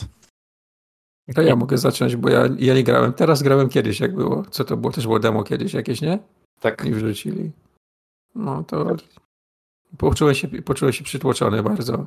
Za dużo rzeczy mi kazali wciskać i, i to sterowanie i, i, i ta klawiszologia mnie przytłoczyła i to zapamiętałem z tego. Tylko. Tak, jak ktoś gra w japońskie rzeczy na Switchu, to myślę, że będzie się czuł jak ryba w wodzie. A jak ktoś jednak szanuje swój czas, no to powinien to zostawić. A jak dla mnie to właśnie nie było jakoś tak specjalnie przytłaczające. Znaczy ja grałem y, bardzo mało, w zasadzie to jest takie pierwsze wrażenie moje jedynie. Yy, ale, znaczy tak, inaczej. Yy, ta gra nie, nie, potrafi tłumaczyć mechanik, jak każda japońska gra, więc yy, zacząłem od przeczytania sobie krótkiego Beginner's Guide w internecie, no ale potem już było, już było całkiem fajnie i ten, ten cały system walki yy, no całkiem mi się podobał. W sensie e, on jest, on jest taki dość satysfakcjonujący. On jest e, taki dużo bardziej oparty na, na tej mechanice jak w Sekiro niż jak w Soulsach. W sensie, że tam głównie się opiera na kontrach. E, ogólnie jest bardzo dynamiczny. No. No i to jest od tym Ninja, tak? Czyli tych samych, co robili tak. e, Niocha i, i to Ninja Gaiden Dead or Alive, tak? Tak. Ale to tak, głównie tak, z tak. Niochem możemy porównywać. Tak. To jest taki, takie połączenie właśnie troszkę Nio z Sekiro, nie? Tak, czyli to jest takie e, Sekiro dla Niocha. E, o, no, tak, tak. Można tak. by tak to tak. porównać, biorąc pod uwagę obie te wielkie franczyzy. E, natomiast jej, no. Ja też, tak jak MSAT, grałem w to więcej, znaczy więcej. W ogóle grałem w to w, podczas tych testów poprzednich i miałem bardzo podobne odczucia. E, no i poza tym ta gra jest cholernie brzydka, jak na coś, co wychodzi w tym roku. A to jest prawda, tak. To, to, to oczy krwawią, to jest prawda. To zupełnie nie powinno tak wyglądać. E, Jeszcze, żeby nie być głosownym, to spędziłem potem trochę czasu e, na streamach i YouTubie, żeby widzieć, jak dalsze etapy tej gry wyglądają, no i to się wcale nie poprawia, Mm. żeby nie powiedzieć, że jest gorzej. Do tego troszeczkę chrupie. Jak patrzyłem, jak grałem na Xboxie, no to troszeczkę tam. W sensie to nie jest jakoś nie wiadomo jak, e, jak źle zrobione, no ale, ale jednak momentami czuć tam spadek płynności. I to w sumie nawet nie w takich momentach, w których by się człowiek spodziewał. W sensie, gdy się naprawdę dużo dzieje, tylko powiedzmy idziesz sobie i tu nagle klatki kilka dropnie i, i tyle, nie?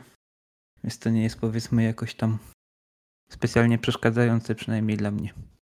I to nie jest też tak, że to jest jakiś wielki open world, tylko to jednak są dość zamknięte segmenty, tak na, na dość małych mapach. No, taka, taka korytarzówka chyba bardziej kojarzę. Przynajmniej ten początek, początek jak się szło, to tak z, z polany na polanę jakby, nie?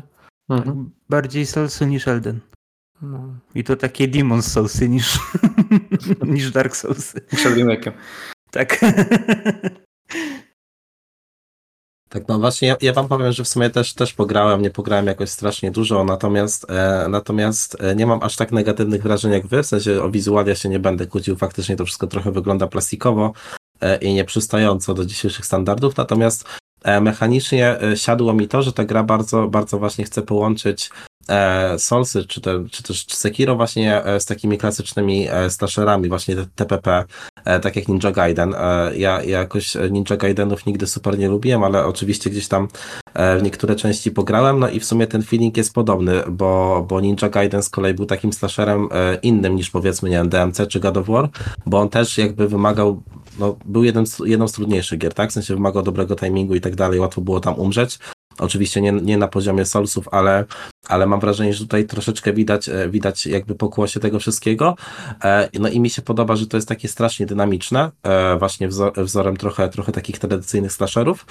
I też strasznie satysfakcjonujące. W sensie mi się, mi się Sekiro, Sekiro naprawdę podobało, właśnie z uwagi na to, że, że te parowania były, były takim elementem mocno wynagradzającym gdzieś tam wbicie się mocno e, w mechanikę gry. E, No i tutaj jest podobnie, tylko że to wszystko jest w ogóle jeszcze, jeszcze okraszone jakimiś takimi e, fajnymi efektami wizualnymi, no i w sumie e, jak gdzieś tam walczyłem z tym pierwszym bossem, no to, to wiecie, jakby satysfakcja zbicia tego całego pierwszego paska, tego bossa w ogóle bez, bez straty na samych kontrach, no jest naprawdę duża. E, I, I w sumie w sumie całkiem mi się to podobało. Jakby przychylam się też w ogóle do, do, do tego, co na początku powiedzieliście. E, To jest koszmarnie wytłumaczona mechanika. W sensie, tak jak, tak jak sobie gadaliśmy, zdaje się, Kson, że ty mi tłumaczyłeś, na czym w ogóle polegają te levele i jakby jak, jak się je traci, bo, bo oczywiście to, to trochę mm, wys, wys, wyskakuje to wszystko w jakichś pop-upach, tak? I, I jakby jest też niejasno tam, e, niejasno rozpisane, więc, więc no ponownie taka gra, która e, niby nie ma tych mechanik tak dużo, a i tak nie potrafi ich wytłumaczyć, więc, więc no kolejna taka bolączka, o której sobie zresztą ostatnio gadaliśmy. E, natomiast ja, ja myślę, że jak gdzieś tam pojawi, pojawi mi się czas, e, jeszcze, jeszcze przed, przed premierą Residenta, to sobie chętnie do tego więcej usiądę. E, ale, ale no jakby za, zachwytu, zachwytu u mnie nie ma, nie? Po prostu z, jakby, to, jakby to nie było w Game Passie, to na pewno bym tej gry nie kupił. To, A no to, to tak, to się zgadza. Aczkolwiek gdy ja jestem właśnie ciekawy, jak to będzie dalej wyglądać, szczególnie, że pojawiały się zarzuty, że ona jest nierówna, jeśli chodzi o poziom trudności. Więc no jestem ciekaw, jak to będzie wyglądać dalej. Chętnie Dobra. sprawdzę. ja, ja też, ja też, ja też myślę, że chętnie jeszcze pogram. E, Fucci, czy się jeszcze będziesz zabierał? Nie. Amsat? Nie? Dobrze, mamy dwa na dwa, a, a wy, wy słuchacze możecie zdecydować sami. E, dobra. E, kolejną grą, a w zasadzie grami, które, e, które chcia, chcieliśmy omówić, a, a tak naprawdę ja chciałem omówić, bo, bo, bo to jest coś, e, na co chłopacy stwierdzili, że ta gra powstała w pańcie. E, ja, się z tym, ja się z tym nie zgadzam, jestem praktycznie pewien, że w pańcie nie powstała. A o co chodzi? Chodzi o Frog Detective 1, 2 oraz 3, czyli całą trylogię. E, tutaj, żeby też, żeby też być zupełnie szczerym, e, ta polecajka przyszła, e, przyszła do, do moich uszu z innego podcastu, a mianowicie od Igi z Niezatapialnych i w sumie to e, najpierw kupiłem pierwszą część, No i strasznie wpadłem po uszy. E, No i dlaczego? W sensie, bo, bo faktycznie wizualnie ta gra nie zachwyca, w sensie jest tak prosta, prosta wizualnie, jak to jest tylko możliwe. E, I jakby e, to jest dosłownie wszystko w tytule zawarte. Mamy detektywa, który jest żabą. I ten, ta żaba bardzo chce zostać najlepszym, najlepszym detektywem na całym świecie. I jest w tym taka strasznie wholesome. I gdzieś tam jej celem jest jest właśnie rozwiązywanie tych zagadek. E, Struktura tych gier wygląda tak, że mamy jedną zagadkę per gra e, i właśnie e, sobie próbujemy ją rozwiązać. Wszystko się dzieje z perspektywy pierwszej osoby, a mechanika gry oparta jest głównie na rozmowie e, z postaciami. No i e, dlaczego, dlaczego to tak dla, dla mnie działa i dlaczego aż tak mi się spodobały te gry? E, Właśnie no głównie dlatego, że e, te wszystkie postaci są napisane bardzo zabawnie, w sensie ta, e, ta, ta gra operuje na, na wysokim poziomie absurdu, e, na jakichś takich e, no, naprawdę, e, naprawdę, nie wiem, śmiesznych, śmiesznych pomysłach na rozwiązanie powiedzmy jakichś kliszowych tematów e, związanych właśnie, nie wiem, czy no, z jakimikolwiek tekstami popkultury na temat e, detektywów, e, więc, e, więc no wszystko, wszystko tutaj się tak, się tak fajnie, fajnie spina e, z tym, e, z tym, jakie zostało przyjęte poczucie humoru. E, Ta gra też bardzo lubi w ogóle łamać czwartą ścianę. E, Tutaj takim bezkontekstowym, e, bezkontekstowym wycinkiem, e, który, który bardzo, bardzo mnie kupił, jest to, że powiedzmy mamy taką mechanikę, która w, jednym, w jednej z części gry wymaga zebrania odpowiedniej ilości pieniążków na zakup, na zakup pewnej rzeczy wymaganej fabularnie, ale możemy te pieniądze wydać na inne rzeczy. E, No i w tym momencie pojawia się ekran, na którym e, pokazuje się autorka gry i ona nam mówi, że nie, nie, nie, tak to nie będziemy robić, w sensie ty musisz kupić to i tamto, ja teraz wyjątkowo zwrócę ci pieniądze, e, żebyś mógł kupić tą, tą rzecz wymaganą fabularnie, ale już więcej tego nie rób. No i faktycznie blokuje się możliwość kupienia innych rzeczy w tym sklepie, więc, więc jakby no to jest, to jest tego typu klimat. E, Teraz jakby idąc, idąc przez to, e, e, czy, czym, czym są poszczególne, poszczególne części, no to pierwsza, pierwsza dzieje się na takiej bezludnej, znaczy no nie bezludnej wyspie, bo tam zjeżdżają się powiedzmy na taką imprezę poszczególne postaci i słyszą głosy, więc, więc musimy się dowiedzieć skąd są te głosy. Druga to jest takie miasteczko, gdzie, gdzie nowo przybyły mieszkaniec teoretycznie niszczy cały festyn na jego powitanie, a trzecia to jest miasteczko westernowe i ono ma taką fabułę, która sobie nagle spina wszystko e, w całej, w całej tej trylogii jest zdecydowanie najbardziej rozwinięta, e, też zarówno pod względem gameplayowym. E, tutaj zdradzę, że jakby z uwagi na to, że przestrzeń tego wszystkiego, tego, tego miasteczka westernowego jest największa w ogóle ze wszystkich ze wszystkich jakby lokalizacji e, w całej trylogii, to e, żaba dostaje swoją hulajnogę, więc nagle e, perspektywa zmienia się na TPP i, i popindelamy sobie na hulajnodze przez miasteczko westernowe e, z ostrokrzewami i tak dalej, i tak dalej, więc to jest e, to jest, to jest bardzo fajne. E, Właśnie e, ja o tej grze, jak sobie myślę i sobie ją przypominam, opowiadam z dużym uśmiechem, bo jakby dla mnie to właśnie było tego typu doświadczenie. Ona gdzieś tam trafiła w taki moment, że E, To był chyba jakiś weekend i taki hu- humor był taki średni, natomiast każda z tych, każda z tych gier to jest tak jeden do dwóch godzin. I naprawdę jakby łyknąłem całość jednego dnia, e, przyszedłem wszystkie te, te części i jakby no to jest tak, tak przyjemne doświadczenie, tak jakby niezobowiązujące, e, że, że naprawdę, naprawdę polecam. E, I co? No cała trylogia w sumie kosztuje, kosztuje mniej niż 40 zł na przecenach, które są, które są na nią regularnie. E, I, I wydaje mi się, że, że mogę ją polecić jako taką przerwę e, między, między większymi tytułami, no z uwagi na długość. E, No też, też, tak jak wspomniałem, to jest świetny, świetny polepszacz nastroju, jeżeli w ogóle tego typu, tego typu humor, humor zasadzony na jakimś absurdzie do was, do was przemawia. Natomiast no, ja, ja naprawdę, naprawdę bę- będę ciepło to wspominał. No niestety ta, ta trzecia część faktycznie kończy całą trylogię i i Frog Detective is no more e, i nie będzie kolejnych części, w sensie nie umiera, tylko po prostu już wiemy, że nie będzie kolejnych części, e, także, także w sumie to jest, e, to jest, to jest tyle, tyle, co chciałem powiedzieć. E, wiem, wiem, że was bardzo oprawa odrzuca, ale, ale i tak polecam, żebyście spróbowali. Nienawidzę cię. Co kupiłeś Ale? Jeszcze jej, jej. Tak Okej. Wprawdzie to odrzuca wszystko poza twoją opinią na ten temat. nie?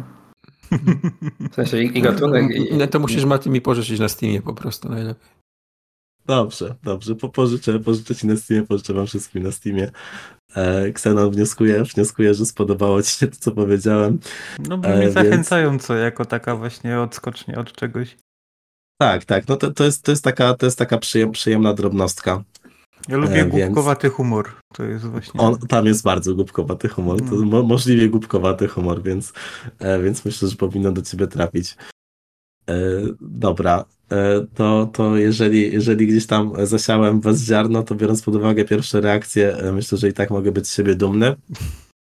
Natomiast następna gra, o której chciałem opowiedzieć, e, tak pokrótce, to jest Oli Oli World. E, ona wylądowała ostatnio w plusie i w sumie stwierdziłem, że e, sprawdzę sobie to z ciekawości. No i Oli Oli generalnie to już jest trzecia część. Ja w dwie pierwsze grałem jeszcze, jeszcze na Wicie i to zawsze były takie mocno, mocno skillowe gry o jeżdżeniu na deskorolce w 2D. E, I ja z jakiegoś powodu wyobraziłem sobie, że, ta, że to Oli Oli World zmienia perspektywę na jakby no, trójwymiarową, tak? Że mamy, mamy Tony Hawk'a. No i tak w sumie z tą myślą odpaliłem tą grę, ale okazało się, że nie, więc absolutnie nie mam pojęcia skąd się, e, skąd się to e, u mnie zakorzeniło. E, No i właśnie jakby czym, czym jest Oli Oli, na czym polega ta mechanika, więc no jakby to jest 2D, czyli powiedzmy mamy, mamy etap, na którym jest ustalona trasa i ten chłopek powiedzmy jedzie sobie sam, a my wykonujemy triki, które są na gałkach e, z modyfikacjami e, oczywiście na, na, na innych przyciskach, to głównie, głównie e, shoulder batony i triggery, gdzieś tam modyfikują to, co możemy robić E, i, i w sumie no, siłą, e, siłą tej gry jest to, e, znaczy to, że jest mocno skillowa sprawia, że jeżeli rzeczy wychodzą, to jest super uczucie, ale też nie jest tak, że e, musimy być perfekcyjni, żeby te rzeczy wychodziły, E, więc, więc to jest takie easy to learn, e, hard to master typowo. E, Natomiast, e, natomiast no, pamiętam, że, e, że te pierwsze dwie części jakoś tak super mi nie siadły, w sensie pograłem nie trochę i je odstawiałem. No i w sumie myślałem, że tutaj będzie inaczej, e, jakby no, z uwagi na to, że w ogóle sobie inaczej wyobrażałem tą grę, ale jak już pogra, zacząłem grać, to, to wydawało mi się, że, że siada mi to bardziej, ale w sumie koniec końców e, też, też się odbiłem. E, trochę inna jest teraz konstrukcja, w ogóle styl, styl tej gry. E, tamte pierwsze Pierwsze dwie części były bardzo minimalistyczne wizualnie. E, jakby to, to była taka, taka grafika, która gdzieś mia, miała stawiać na przejrzystość e, jakby podążania, powiedzmy tak, za tym naszym e, za tym naszym chłopkiem, jak, jak przejeżdża te trasy i wykonuje triki, natomiast ta część, te Oli Oli World jest bardzo, bardzo komiksowa. No i w parze z tym idzie to, że oni stwierdzili, że nadadzą jakiś charakter.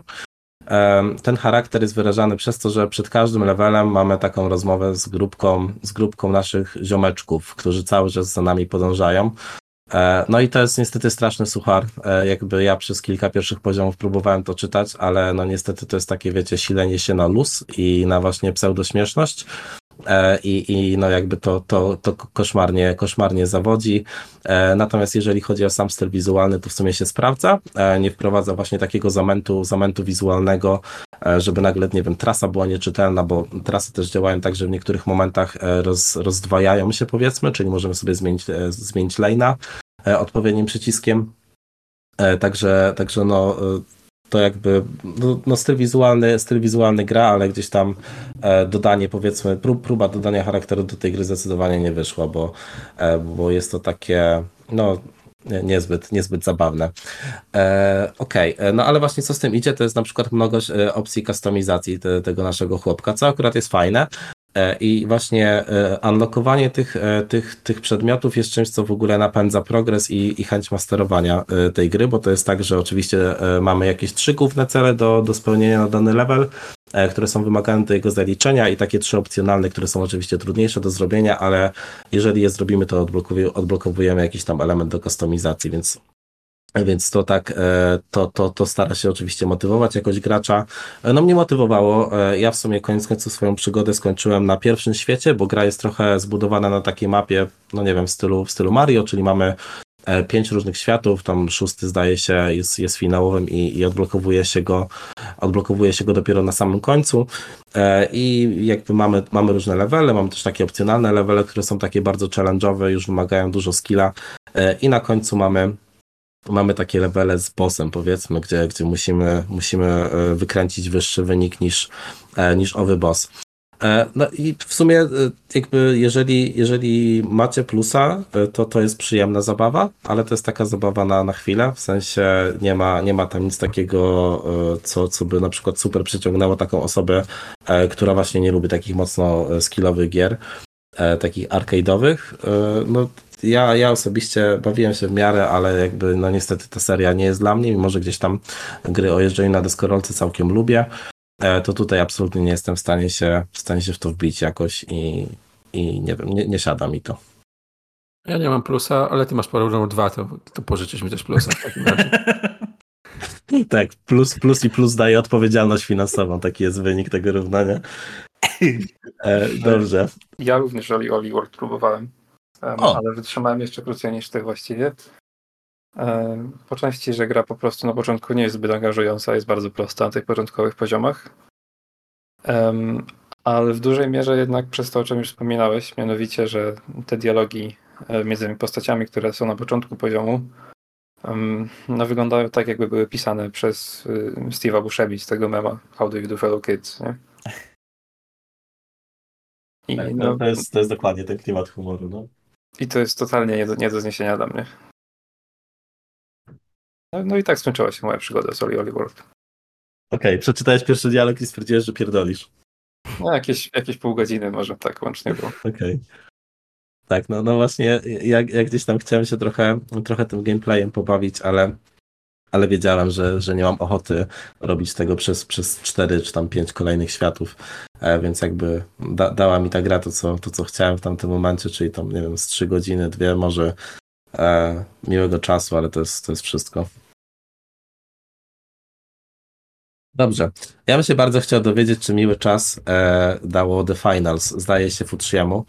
E, Jest to oczywiście dostęp ekskluzywny e, dla, dla, dla nas, ponieważ, e, ponieważ no mamy już oczywiście kontakty z wydawcami, więc Futrzak zdobył, zdobył dostęp do zamkniętej bety owego tytułu. Nawet kod źródłowy ma podobno. Tak, tak, ale, ale tak, tak nie mów głośno, bo, bo to, to jest problem potencjalny, wiesz? No, a The Finals jest kompetytywnym shooterem. Um, znaczy próbuje nim być, może tak. O, E, Natomiast wprowadza zupełnie nowy tryb gry w, w ten gatunek. E, Są, I na razie to jest jedyny dostępny tryb gry. E, Są cztery zespoły po trzech graczy na relatywnie dużych mapach, powiedzmy, które są w dużej mierze zniszczalne. Chciałem powiedzieć całkowicie, no ale jednak nie, nie możemy zapaść się w nicość w końcu, tylko jest jakieś, jakieś podłoże, którego już nie możemy zniszczyć. Natomiast y, wszystkie budynki na mapie, no to fair game. Jak, jak ktoś ma czym, to może rozpierdalać. E, Co w późniejszych etapach e, faktycznie mocno wpływa na samą rozgrywkę, bo już nie za bardzo czasami jest się gdzie schować, jak się ucieka i tak dalej. Mm, Natomiast y, tryb polega na tym, że e, co jakiś czas na mapie pojawiają się punkty e, w- postaci takich, nazwijmy to, pudełek. Dosłownie taki box, który zawiera hajs. I ten hajs musimy przetransportować e, do punktu, który możemy nazwać bankomatem, powiedzmy, tak? I no, który zespół zbiera tego hajsu najwięcej, ten wygrywa rozgrywkę. Dodatkowo to wszystko jest taką narracją jakiegoś teleturnieju, powiedzmy. I co jakiś czas dzieją się specjalne wydarzenia na mapie. E, Te specjalne wydarzenia może być deszcz meteorytów, które dosłownie spadając rozwala oczywiście części mapy, przy okazji zabijając graczy. E, Albo coś tak prostego w FPS-ach jak e, buff do obrażeń danej broni. I e, jest podział na trzy klasy postaci. Jest light, medium, heavy. Różnią się oczywiście ilością życia i wyglądem, ale poza tym dostępnym arsenałem. E, Grając jako light możemy biegać nawet z nożem przez cały mecz i wbijać go ludziom w plecy. E, A grając jako heavy możemy z lekkim karabinem maszynowym e, poczuć się trochę jak czołg, po prostu stojąc, przyjmując obrażenia i samemu zadając jak najwięcej. Natomiast gdzie to wszystko się rozpada, to może ja- mam z tym dwa problemy największe. Pierwszy jest taki, że ten tryb wymaga jednak, myślę, współpracy bardzo dużej. e, jako że jest nas tylko trzech, a cooldowny między respawnami są bardzo długie, bo to jest około 20 sekund, no to nie za bardzo jest miejsce na losowość. E, A obecnie wygląda to tak, że jeśli jakiejś drużynie nie idzie, to po dwóch minutach ktoś z tej drużyny się rozłącza. E, No i zostają dwie osoby walczące na 3 na 3 na 3. Z kolei kolejna osoba i zostaje jedna, w innej drużynie są dwie i to się wszystko oczywiście pierdoli bardzo szybko. I tak dosłownie było powiedzmy nie wiem, 8 na 10 meczach, które już zagrałem. E, Także jak dla mnie to jest bardzo duży problem, em, że nie ma żadnej alternatywy dla tego trybu. Bo wiadomo, że jak tu już wyjdzie w pełni, będzie dostępny dla każdego jako free to play, czy nawet nie jako free to play, no to oczywiście każdy może się grupować i mogą być nawet lobby wtedy tylko zespołowe, tak? Natomiast w, w tym formacie to jest chaos, który niczemu nie służy. Em, A inny problem jest taki, że gra bardzo, bardzo, bardzo mocno stawia na mobilność, bo te mapy są bardzo wertykalne. E, I mimo tego, że są jakieś windy i zipliny, no to jednak wspinanie się też jest częścią gameplayu. E, A wybór klasy postaci bardzo wpływa na jej mobilność. Mianowicie, e, grając heavy, no za wysoko czy zbyt szybko sobie nie poskaczemy. E, No i tu, tutaj będziemy przewagę light, który oczywiście ma mniej życia, dzięki temu jest bardziej mobilny, e, ale mobilny jest do tego stopnia, że dosłownie mo może wbiec nam na głowę, tak? Em, I na to nie za bardzo jest jakaś kontra gameplayowa, no może poza strzeleniem URPG-iem pod nogi, no ale jaka to zabawa wtedy i dla grającego jedną i, i drugą postacią wtedy. Okej, ale to w sumie, w sumie dość dziwne, bo, bo wiesz, jak, jak mówię, że są, że są te trzy klasy postaci, no to gdzieś tam e, od razu mi się pojawiło w głowie, że wiesz, kamień, papier, nożyce pewnie, nie? I też dlatego te trzyosobowe teamy. No trochę tak, ale jeśli robimy z samego poruszania się tak, tak ważny element całości, e, no to wtedy to jest de facto najmocniejsza broń. E, I no i znowu, jakby, jakby to były zespoły wcześniej przygotowane, że trzech znajomych kontra trzech znajomych kontra trzech znajomych i tak dalej, no to spoko. Ale jeśli to są losowe zespoły, no to jest po prostu jeden wielki pierdolnik. Dodatkowo w grze nie ma czatu, jest tylko voice chat. E, no i no wiecie, jak to jest voice chatem na PC na europejskich serwerach, tak? Jedna osoba mówi po angielsku, trzy po rosyjsku, dwie po turecku. I mm, kogo wylosujesz, no to tak będzie, nie? No to To już osobowa wieża Babel. brzmi tak, że jak to tylko z, w zgranych drużynach, nie? No bo... Tak, tak. Dlatego tutaj brak innych trybów jest gigantycznym błędem jak dla mnie do testów. No to jest dziwne, bo to trochę brzmi jak, jak szybka śmierć dla takiego tytułu, nie? W sensie, jeżeli Tak, gdzieś tam tak. to będzie free to playka e, i wiesz, tak jak właśnie ty spróbowałeś i gracze zobaczą, że okej, jakby e, no tutaj nie ma co w ogóle wchodzić z randomami, bo jest, bo jest wymagana aż taka koordynacja, żeby to fajnie działało, no to od razu odpadasz, nie? W sensie, no nie każdy ma ludzi do grania i to w dodatku chętnych na kolejne multi. Tak. E, I też przez to, a może trochę wcześniej zacznę w tą myśl. W wielu FPS-ach czy hero shooterach teraz jest tak, że niekoniecznie trzeba umieć dobrze grać w FPS-y, żeby wygrywać, jak na przykład w Overwatchu na przykład. Em, To mimo wszystko, jak ktoś jest w FPS-y bardzo dobry, to on jest w stanie inne mechaniki przyćmić tym, że będzie wszystkich roz, po prostu rozpierdalał na serwerze. E, Tutaj ty możesz mieć statystyki typu 10-0, ale i tak będą biegać do ciebie, do, e, biegać dookoła ciebie e, i zdobywać punkty, ty nie będziesz mógł nic zrobić. E, No i no dla mnie to jest minus.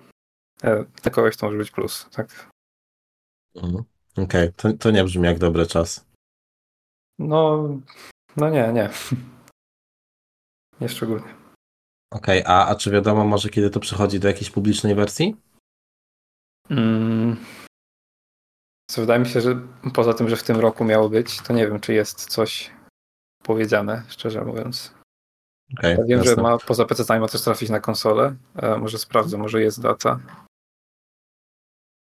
E, jest, 23 sierpnia. Nie, Okej. to nie jest aktualne. Coś, coś tu nie gra.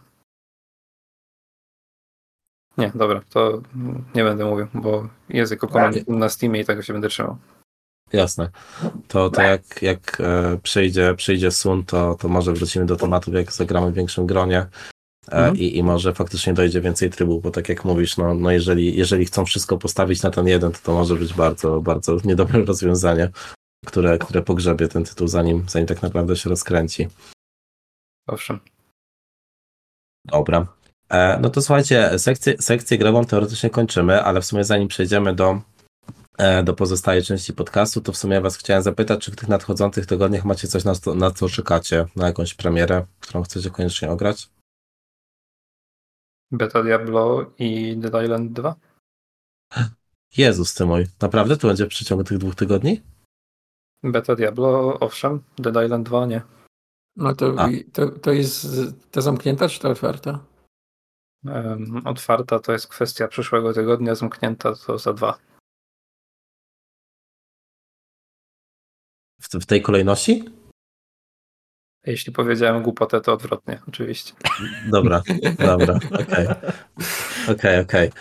E, Spoko, dobra. E, Okej, to w takim razie przejdźmy do filmów. Mm, e, Filmy mamy dzisiaj dwa na tapecie. E, Pierwszy to jest taki, który zdaje się oglądaliśmy ja z Xenonem. Czy Xenon to się zgadza? Tak to się zgadza. Okej. E, Tak, bo ch- chodzi, chodzi o nowego Antmana. E, I Ose oczywiście. No cóż, e, ja szczerze mówiąc nie wiem od czego zacząć, w sensie e, to jest w ogóle pierwszy film e, MCU, na który nie poszedłem na premierę. I jakby no są, są ku temu powody, w sensie mam wrażenie, że całość tego, całość tego projektu się troszeczkę wysypuje. Od momentu skończenia właśnie Infinity Saga mają problem z nadaniem kierunku, a, a seriale zamiast to wszystko dopełniać, to tylko, e, tylko całość rozmydlają, więc gdzieś tam mój entuzjazm względem, względem całości e, bardzo mocno opadł. E, Więc też bez, bez jakichś większych oczekiwań na tego Antmana się wybrałem. No i nawet mając takie niskie oczekiwania, no nie bawiłem się dobrze. Nie wiem, Ksenon, jakie, by, jakie było twoje ogólne wrażenie? Znaczy moje ogólne wrażenie było takie, no, nie było jakieś taki złe bardzo, moim zdaniem. Znaczy tak, y, ja mam w sumie ogólnie podobne odczucia co do ostatnich Marvelków, w sensie no przestało mnie to już jarać aż tak bardzo. Eee, Zresztą w ogóle Wakandy nie oglądałem wcale. Ostatni Marvele, który oglądałem to był Thor. No i ten Ant-Man był zdecydowanie lepszy od tego Tora moim zdaniem. Aczkolwiek no to jest powiedzmy bardzo nisko postawiona poprzeczka, także. Tak, to bardziej świadczy o tragicznej kondycji Tora Tak, tak. i, i zawiedzionych oczekiwań przez Waititiego. Tak, no, no to prawda. E, Wiesz co, ja się z tobą zgadzam. Myślę, że właśnie to, to na jakim poziomie też stały te ostatnie filmy e, gdzieś tam wpłynęło, wpłynęło na, te, na te oczekiwanie lub nie w ogóle na Antmana. E, No ale właśnie, e, o, o co chodzi? Bo, no bo w sumie Antmany mieliśmy dwa dotychczas. Pierwszy był ciekawy, bo był takim heist movie. E, Drugi był tragiczny, był jednym z najgorszych filmów MCU, w moim odczuciu przynajmniej. No i w sumie wobec tego miałem oczekiwania głównie dlatego, że mamy postać Kanga. No jakby MCU się domaga tego głównego story arku, żeby znowu zrobić serial z całości i gdzieś tam trzymać, trzymać widzów przez to. E, Oczywiście Kang pojawił się już wcześniej, ale no, no na dużym ekranie e, na dużym ekranie dostajemy go po raz pierwszy. E, jak, jakie były moje oczekiwania? E, w sensie spodziewałem się po prostu, że e, jakby e, ten film będzie próbował go ustanowić jako gigantyczne zagrożenie e, dla, dla całego uniwersum. No i niestety w mojej, w mojej ocenie się z, tej, z, z tego zadania kompletnie nie wywiązuje. E, nie wiem, nie, nie, nie mówiąc o żadnych spoilerach, to, to gdzieś tam e, nie, nie, nie jestem w stanie sobie wyobrazić, żeby ktoś pomyślał, że, e, że Kang faktycznie jest takim zagrożeniem, które, które gdzieś tam może poruszyć ca, calutkie, calutkie uniwersum i że jest kolejnym Thanosem. Mhm. Znaczy, kurczę, bardzo ciężko gadać o tym filmie bez spoilerów żadnych. Więc nie wiem, czy będziemy się akurat trzymać bez spoilerowania. Wiesz co, no myślę, że temat jest dosyć świeży, więc, więc może oszczędźmy ludziom. E, jakby e, podejrzewam, do, do, czego, do czego możesz chcieć nawiązać, jakby w, w obronie tego. Bo rozumiem, Em. siedziałeś do końca, tak? E, tak, tak, tak. Wysiedziałem do końca, No tak. o, o, obejrzałem, obejrzałem sceny, więc, więc jakby wiem.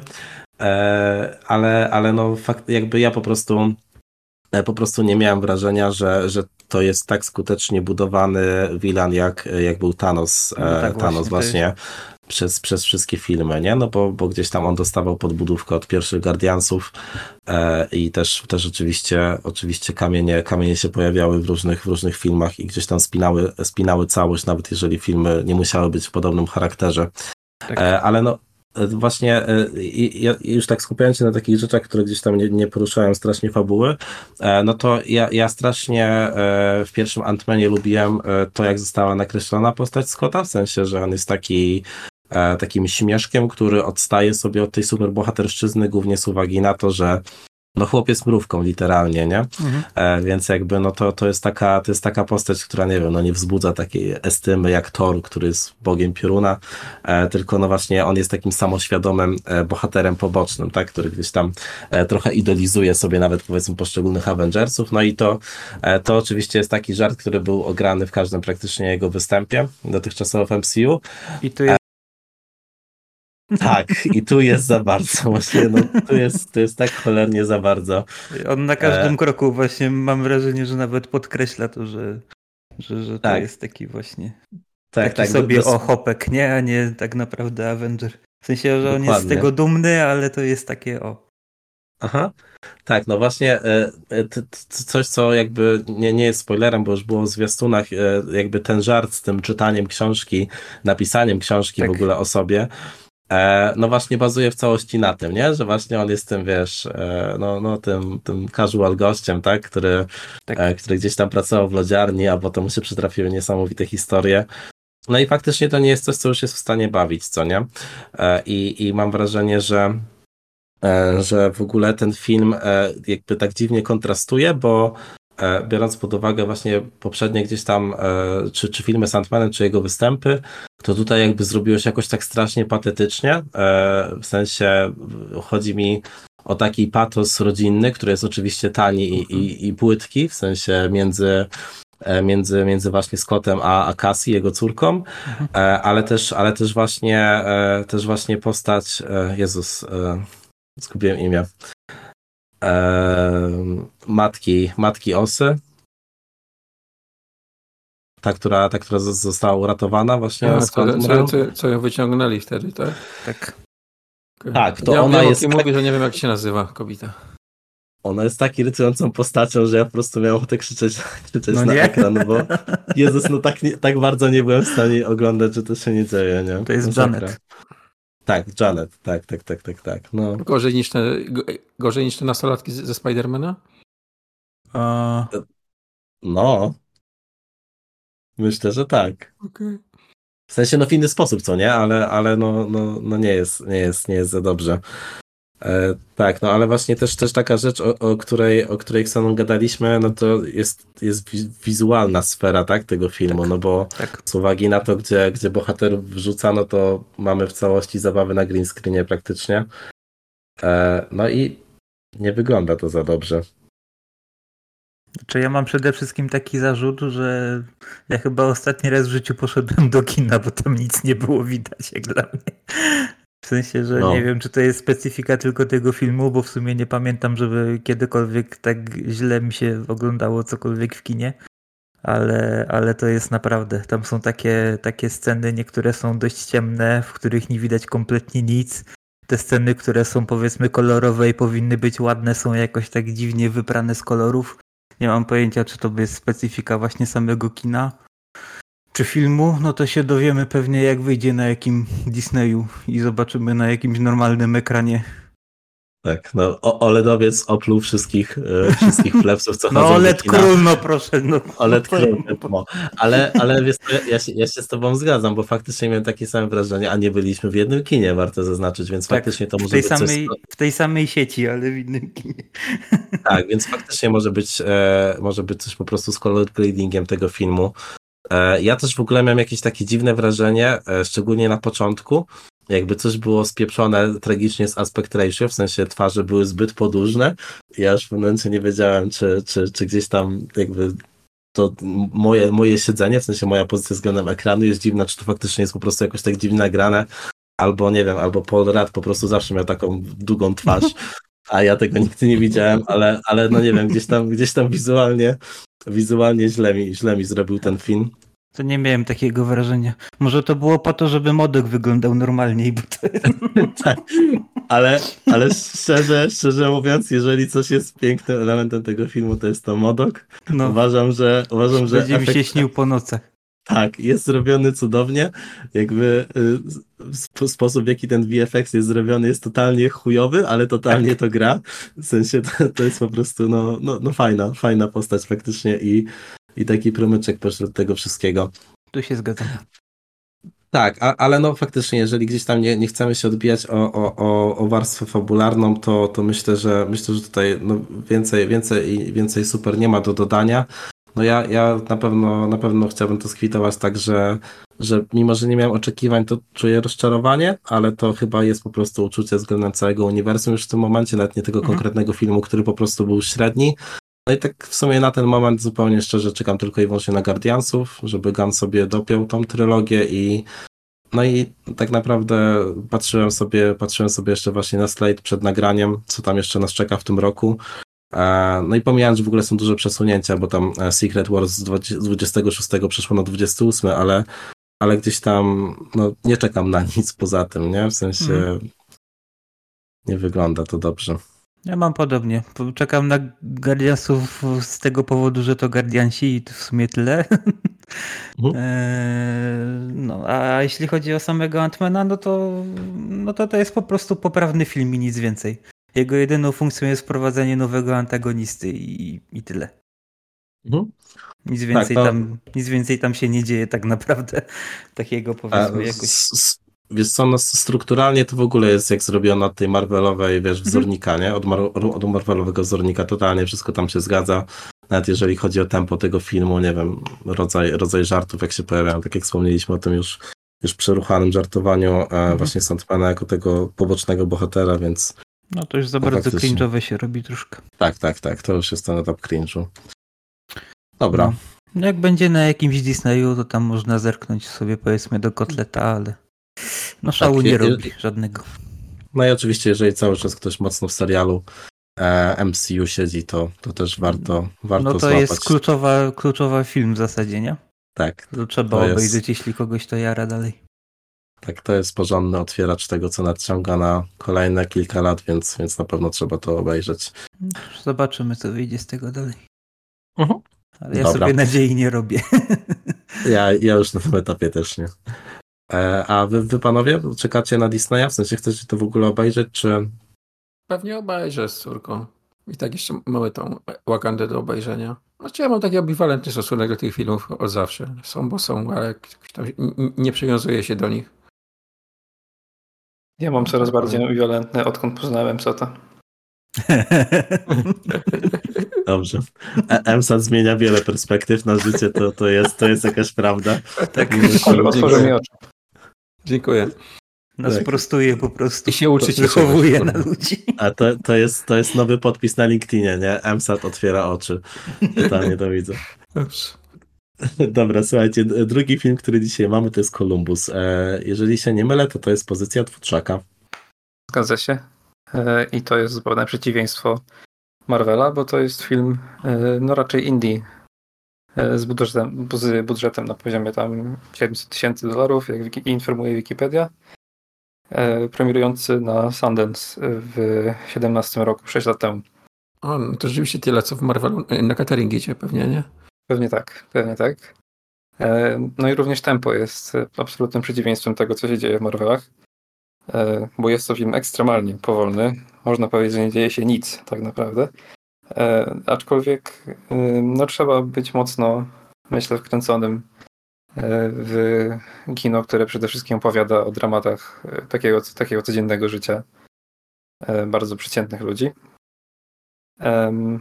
No i, i ciężko mi o tym za bardzo mówić bez spoilerowania, bo jak cokolwiek zdradzę, no to będzie już mówienie o, o samej fabule bezpośrednio, bo nie ma to zbyt wielu bohaterów ani zbyt wielu wątków poruszanych. Natomiast warto zwrócić uwagę e, na to, że jest to film w dużej mierze też o architekturze. To jest jeden z bohaterów e, całej historii. I e, tytuł to jest oczywiście jedno z miast w Stanach. Tak jak w większości, jak już z czymkolwiek, z jakimkolwiek stanem kojarzy się Columbus, to kojarzy się z Ohio prawdopodobnie. Tutaj Tak. chodzi akurat o Zombieland. Columbus. E, No, tak tutaj chodzi o Columbus w Indianie. I dlaczego akurat tam? E, Ano dlatego, e, że jest tam sporo budynków w stylu modernistycznym. No i właśnie one są powracającym motywem w całej historii. Ale znowu, żeby powiedzieć więcej, to musiałbym rzucać spoilerami. Także podsumowując, film o problemach codziennych, zwykłych ludzi. Bardzo ładnie nakręcony, e, świetnie zagrany e, i całkiem nieźle napisany. I architektura. Architektura do pożygu, tak. Dopisałem do watchlisty. Okej, No i tak. dobra. Ja, ja w, sumie, w sumie chętnie sobie sprawdzę, e, bo, bo właśnie jakby też, też, też zrobiłeś taki zagadkowy setup, tak w zasadzie o co chodzi, więc w sumie, w sumie dosyć intrygująco to wyszło. No. E, Czy ja sobie I- przeczytałem coś tam na tym, na Filmwebie, więc już wiem mniej więcej. I główną rolę w filmie gra e, Hayley Lou Richardson, znana pewnie niektórym z Miłego Lotosu, o którym będziemy mówić zaraz prawdopodobnie. Dokładnie tak. Dosko, doskonałe przejście Futrzy, bo, bo przechodząc do sekcji serialowej, e, Biały Lotos jest pierwszym serialem, o którym chcieliśmy porozmawiać. Mm, ja w sumie gdzieś tam jestem, jestem na świeżo po skończeniu, e, po skończeniu drugiego sezonu. E, wy, wy, wy z tego co wiem, byliście, byliście wszyscy, wszyscy na bieżąco, prawda? Znaczy, ja w ogóle nie oglądałem, więc tak, tak, tak jestem na bieżąco. MC ci psuje narrację, ale tak, Xenon obejrzy całość i ja Tak. oglądam na bieżąco też. Okej, dobra. E, to powiedzcie proszę, e, jak w ogóle wam się podoba cała struktura tego serialu, bo wydaje mi się, że wydaje mi się, że to ona jest unikatowa e, właśnie no, na przestrzeni obu tych sezonów. Że, że to antologia, ale nie do końca. E, nie, wiesz co, bardziej mam na myśli, że to jest takie, takie chudany, ale rozciągnięte po prostu, wiesz, na, Aha. na, na tyle odcinków, nie? E, Jakby wydaje mi się, że tu się dzieje tyle dookoła tego e, głównego, powiedzmy, wątku, em, że to samo rodzi kolejne dyskusje, może tak. E, Raz może z samym sobą, czy ze znajomymi potem po, po, po odcinku. I, I dla mnie to jest bardzo pozytywne, że dużo do myślenia daje ten, ten serial. Mhm. E, Wiesz co, e, ja, ja się z tobą zgadzam. E, Ja szczególnie to odczułem w drugim sezonie. W sensie pierwszy mam wrażenie, że był, że był nieco bardziej płytki w poruszanych, w poruszanych tematach, natomiast w drugim dostajemy niesamowicie ciekawy czworokąt miłosny. Bardzo dużo mi dostępnie do powiedzenia. Natomiast jeszcze wycofując się o krok, to chciałem powiedzieć, że właśnie tak jak mówisz, że, że dzieje się tyle, że gdzieś ten główny wątek sobie sobie znika, to ja na przykład podczas oglądania miałem coś takiego, że faktycznie wkręcałem się w te pojedyncze, pojedyncze historie, bo jakby jeżeli ktoś nie oglądał, to, e, każdy, z- każdy z sezonów przedstawia jakąś gromadę bohaterów, którzy przyjeżdżają do jednego hotelu i dzieją się rzeczy. E, I właśnie e, miałem coś takiego, że mimo, że jakby podążałem za tymi pojedynczymi historiami, to cały czas gdzieś z tyłu głowy miałem takie, wiecie, poszukiwanie trochę przesłanek e, co do powiedzmy rozwiązania, które dostajemy w obu sezonach na samym początku. Ja to tak szczerze to zapominałem w ogóle o tym. Dla, dla mnie ten serial nie ma głównego wątku. Może to trochę ignorancja, no ale, ale tak e, mnie dużą przyjemność właśnie sprawi, sprawiało po prostu śledzenie tych, e, tych zależności i relacji między postaciami poszczególnymi. No tak, trochę tak jest, że mijają tak dwa odcinki, mniej więcej już nie wiesz, co chodziło na starcie, co miało być tym punktem zapalnym całej Mhm. historii. I właściwie lecisz tak e, with the flow, powiedzmy, nie? z całym serialem. Mhm. To, co się dzieje teraz, jest, jest twoim punktem zainteresowania po prostu. Tylko właśnie wiecie co, mi się wydaje, że e, to super gra, bo to jest taki rewelacyjny hak na początek, w sensie wiemy, że coś się wydarzyło, wiemy, że nasi bohaterowie są jakoś w to zamieszani, więc jak ich poznajemy, to jakby poznajemy ich trochę przez pryzmat tego, co się może wydarzyć, tak? Czyli kto, kto gdzieś tam, no przynajmniej ja tak miałam, e, kto gdzieś tam ma potencjał na właśnie no bycie częścią, tak? No, Powiedzmy tego, tego, co gdzieś tam na początku nam się pokazuje jako, jako finał. No tak, Em, to I Tak. do tego jeszcze e, to myślę, głównie w pierwszym sezonie widać, e, ale są po, po, poruszane tematy takie bardzo światopoglądowe, to może być płytkie słowo, ale no bardzo duże tematy. E, I one są nie do końca eksplorowane. Wydaje mi się, że jednak dość powierzchownie są przeleciane. Tak jak, nie wiem, cała walka klas, powiedzmy, w pierwszym sezonie, która jest motywem przewodnim, tak? Pieniądze i, Mhm. i te różnice społeczne, a, a w drugim sezonie jednak skupiamy się na relacjach typowo uczuciowych, erotycznych.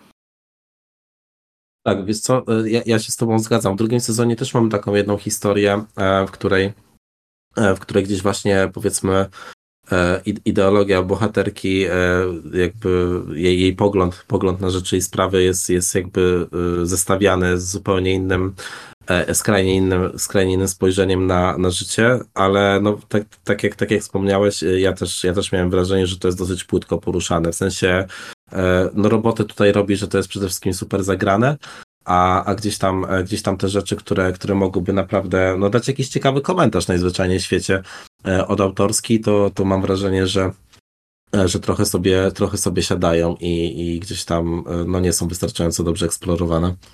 Zostają tylko jaki, jakiś taki prowokator, prowokator do dyskusji może po seansie, nie? Mhm. Mhm. Tak, Tak tak. no. Jak, no, A który sezon wam bardziej przypadł do gustu? Czy, czy nie macie Mm. faworyta?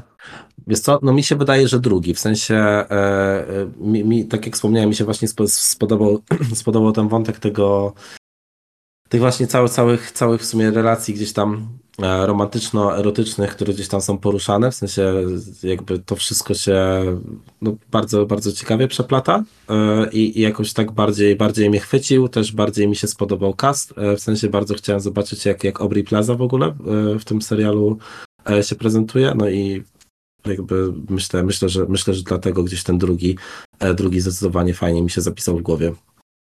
Dla mnie również drugi, dużo, dużo lepszy. Nie, żeby pierwszy Mm. był jakkolwiek zły, po prostu drugiego wyprzedził. No, dla mnie tak obiektywnie to faktycznie drugi sezon jest tym lepszym, aczkolwiek w pierwszym postać Armonda zdecydowanie kradnie show tam dla mnie. Takie ciepłe miejsce w serduszku dla niego mam. To trochę dziwnie brzmi w kontekście, nie, nieważne. E, on, jest, on jest po prostu w twoim serduszku, w tym, w tym ciepłym, cichym kąciku. tak. E, dobra, okej, no to, to w sumie, w sumie myślę, myślę, że wiemy, co sądzimy, a Emsat, czy, ty- czy ty chcesz się za to zabrać, czy to, co mówimy, cię przekonuje w jakikolwiek sposób? Tak, myślę, że kiedyś tak, jak nie wiem, nie, nie wiem, nie, nie wiem kiedy zajdzie czas na to wszystko, co na watchliście, więc wiesz, no, jest, to, jest, to, jest, to jest kwestia wyborów. Mhm. Tak, na razie nie- siedzę, siedzę w czym innym i jeszcze mam sporo do obejrzenia, więc Nie, nieskończona kubka w będziemy, będziemy potem rozmawiać, także. Dobrze, dobrze, tak Trzeci będziesz sezon w porozmawiać. tym roku, nie? Czy w przyszłym? O, okej. Więc... No tak, dobrze, więcej mi dałoście, więcej. Na pewno Słuchaj, powstaje, ale jakoś- kiedy będzie, to nie wiem. Właśnie to Jak widzę, że się, porządnie. Widzę, że się 2023 przebija, ale nie wiem na ile to jest. No, dobra, Będzie a to jak będzie. chodzi Ważne, że o, będzie. prze, o przekonywanie do rzeczy, to jest coś, z czym myślę, że wam się nie uda. E, Ja jestem osobą do przekonania w tym przypadku. A serialem, który teraz będziemy omawiać jest Farma Clarksona. Serial To roku. To się nie uda. To jest najlepsza rozrywkowa rzecz, jaka w telewizji powstała od początku telewizji. Tak, No, zgadzam się. też. To jest, A okej, Absolutnie. czyli, czyli to jest koniec tej argumentacji, tak? Tak, masz obejrzeć i koniec, kropka. Nie no, ale chociaż no, pierwszy sezon mam wrażenie, że był bardziej na rozrywkę nastawiony. Mhm. No dobra, ale w sumie wiecie co, e, fajnie Co by było chyba wiedzieć? jakbyśmy... Właśnie, ja bym chciał wiedzieć, ja, jako, jako ten przykładowy słuchacz, który w ogóle nie wie o co chodzi, ja bym chciał wiedzieć o co chodzi, w sensie o czym, o czym jest ten serial, poza, poza tym, że jakby tytuł coś zdradza. No, serial jest o tym, że Jeremy Clarkson kiedyś kupił sobie farmę. I nie wiem, Amazon chciał, yy, chciał nakręcić, jak on sobie na tej farmie radzi. Jako Tak, taki no. człowiek, człowiek, który z farmą i z rolnictwem nie miał w swoim życiu nic wspólnego praktycznie. No, ogólny zarys fabularny tam jest tak, znaczy no nie wiem na ile to prawda, no ale że tam niby e, ktoś, kto się zajmował tą farmą właśnie odszedł na emeryturę czy coś w tym stylu i, i on postanowił, że nie będzie zatrudniał kogoś nowego, tylko spróbuje Tak. sam się nią zająć. Tak. O, właśnie, no to tak, że taki był początek. Tak. I o ile w pierwszym sezonie on to podchodził do tego ale Top Gear bardzo rozrywkowo na początku i żeby sobie porobić jaja, tak gdzieś w trakcie zaszła jakaś transformacja. Nie wiem, się ze mną zgodzicie, że, że jemu się spodobało to, co robi. Tak. Zaczął do tego podchodzić na poważnie, coraz bardziej. Widać zdecydowanie, że mu na tym coraz bardziej zależało, nie? Żeby to No faktycznie... zresztą finał był taki tego, nie? Tak, Tego tak, tak, pierwszy- tak. Pierwszego sezonu. Pierwszego. Mhm. No i też w pierwszym jeszcze tak y, nawiązując do tego, to on co odcinek szukał jakiejś atrakcji odcinka głównej, tak? Tak, tak, tak, że coś Tak. tam robi i tak dalej, nie? A w- drugim rzeczywiście już tego nie było. Tam Czyli to drugi to jest taki. Drugi to jest taki vlog dokumentujący progres? Znaczy tam nadal jest mnóstwo humoru, to jest przeładowane Tak, humorem. tak. E, Mhm. Natomiast no, to już faktycznie e, to jest taki humor trochę, wiesz, śmianie się przez łzy z tego, jak wygląda sytuacja, w ogóle całe życie rolników obecnie w UK, nie? Mhm. Mhm. Okej. W pierwszym było widać, że to wiesz, szuka okazji na początku, żeby- sobie porobić czegoś jaja, tak? I wiesz, pokazać, jakie tam, jak mu nie wychodzą rzeczy, nie? Które powinny mu wychodzić, tak? Czy tam to, co robi, jak robi źle. Tak? I to na tym było cały myk, a już w drugim, drugim już, już tak nie jest, nie? Jest taki Kto w cyrku mieszka, się nie śmieje. rze- rzeczywistych jakichś tam problemów i przeszkód, no tylko wiadomo, że, że to z humorem, tak? Okej. I i w to stylu tam- Jeremiego. Nie? To brzmi, to brzmi jak Stardew Valley z dziadem od samochodów. No, coś w tym jest. Natomiast no, to jest naprawdę świetna rzecz do oglądania. Świetna A rzecz do oglądania od pierwszego odcinka. Próbowałeś, Mati, w ogóle cokolwiek obejrzeć i, i nie użarło, czy, czy, czy E, nawet nie, nie, wiesz co, ja, nigdy, znaczy, znacie, znacie moją e, motoryzacyjną głowę, która nie istnieje, więc jakby ja nigdy żadnej styczności z e, e, z Top Gearem nie miałem, e, więc jakby no tutaj, tutaj nie miałem tego punktu przekonania mnie, że jakby Mhm. interesuje mnie inna działalność Mhm. tego człowieka, także no ja w ogóle niczego nie ruszałem, aczkolwiek kiedyś pamiętam, że gdzieś podczas wspólnego grania już mi o tym mówiliście i faktycznie no brzmiało to jak ciekawy koncept, ale ale, ale no w sumie, w, su- w sum- w sumie nie wiem, czy chciałbym do tego siadać. W sensie to brzmi e, jak coś, co może być fajne dla ludzi, którzy już e, lubią tą postać i jakby to, to, co gdzieś tam ona ze sobą niesie. Oczywiście no Jeremiego można albo lubić, albo można go nienawidzieć, nie? To mm, są dwie grupy ludzi, mam wrażenie. Mhm. Albo go kochać, albo go nienawidzić. Nie ma pomiędzy czegoś chyba. W tym przypadku. Myślę, że jeśli lubisz brytyjski humor, to nie znając zupełnie Clarksona, raczej się to spodoba po prostu. Okej. Natomiast no to jest na Prime, praktycznie za, za darmo, tak? Za 40 zł rocznie, więc można sobie odpalić Tak, ten nie- odcinek pierwszy, nie? Jak, jak Game Pass za 4 zł, ale tak właśnie Mhm. o to chciałem zapytać, zapytać, że to mamy. To jest Okej. na Prime. I jako, że jest na Prime, to jak jest 4K, to jest prawdziwe 4K, a nie to, co czasami się dzieje na innych streamingach. Mm, Mhm. to jest I tam- najlepsza, najlepsza część Prima, jeszcze, jeszcze żeby oferta była fajna, to byłoby cudownie. A tam widoczki są bardzo ładne. Trzeba przyznać, jest czym oko nacieszyć. Mhm. No dobra, e, przyznam wam, że jestem bliżej e, niż byłem. W sensie brzmi to, brzmi to ciekawie. Może, może jak będę miał taki vibe na, na relaks, to, to sobie tak pooglądam. E, bo, bo wydaje mi się, że to takie pasujące do takiej W ogóle chillerki. serial, serial wykreował całkiem innych bohaterów poza Jeremim, nie? Mhm. Przecież cały Caleb Geralt, tak? Czy, czy ten typ, co, co na poważnie podchodzi, zapomniałem jak ma na imię. Tak, Charlie. Charlie, tak. tak Radosny Charlie. Tak, radosny Charlie, więc Okej. naprawdę postacie, które można jakoś tam polubić, nie? Mhm. No i one też y, zmieniają się na przestrzeni Tak, całości, nie? tak, tak, tak. To jest, to jest właśnie... Ale te, tam, te tam jest charakter mów- development, to jest ciekawe. Tak, tak. No, w dokumentalnym serialu masz, masz No. normalnie, wiesz. Widzisz że do, ewolucję do, postaci. nie? napisani. Tak, E, A, a słuchajcie, to są jakieś osoby, które pracują z nim na tej farmie, czy? tak, tak, tak. Okej, tak. okej. Pomagają mu w taki czy w inny sposób. Jedni bardziej, drudzy lepiej. Jedna ma nienaganny akcent brytyjski. Więc tak. jak włączysz, Dobra. usłyszysz, usłyszysz Geralda, będziesz wiedział, o czym mówimy. tak. Okej, Re- Szefa reakcja brzmi ochrony. zachęcająco. Szef ochrony. Dobra, a słuchajcie, jak jesteśmy przy temacie e, farmerskim, to Tak. jest temat, to jest, jest rzecz, która, która przeszła nam z, e, z poprzedniego odcinka, gdzie rozstrzygaliśmy z Xenonem, czy rzeczy się dzieją w roku 6666, e, czyli Tyler Sheridan Expanded Universe. Ja może znowu zaznaczę, że to jest nazwa bardzo robocza i chodzi o serial Yellowstone i jego prequele i spin-offy. Tak. O, Mamy do czynienia mm, z jednym z lepszych seriali, jakie w życiu widziałem. Jestem w połowie czwartego sezonu, więc myślę, że no, no bardziej pod koniec, więc myślę, że mogę już się wypowiedzieć w jakiś tam sposób na ten temat. Żadnych prequeli ani spin-offów jeszcze nie widziałem, natomiast no, no są na watchliście i to wjeżdżają od razu po tym serialu. Nie, będzie, nie będę żadnych przerw robił.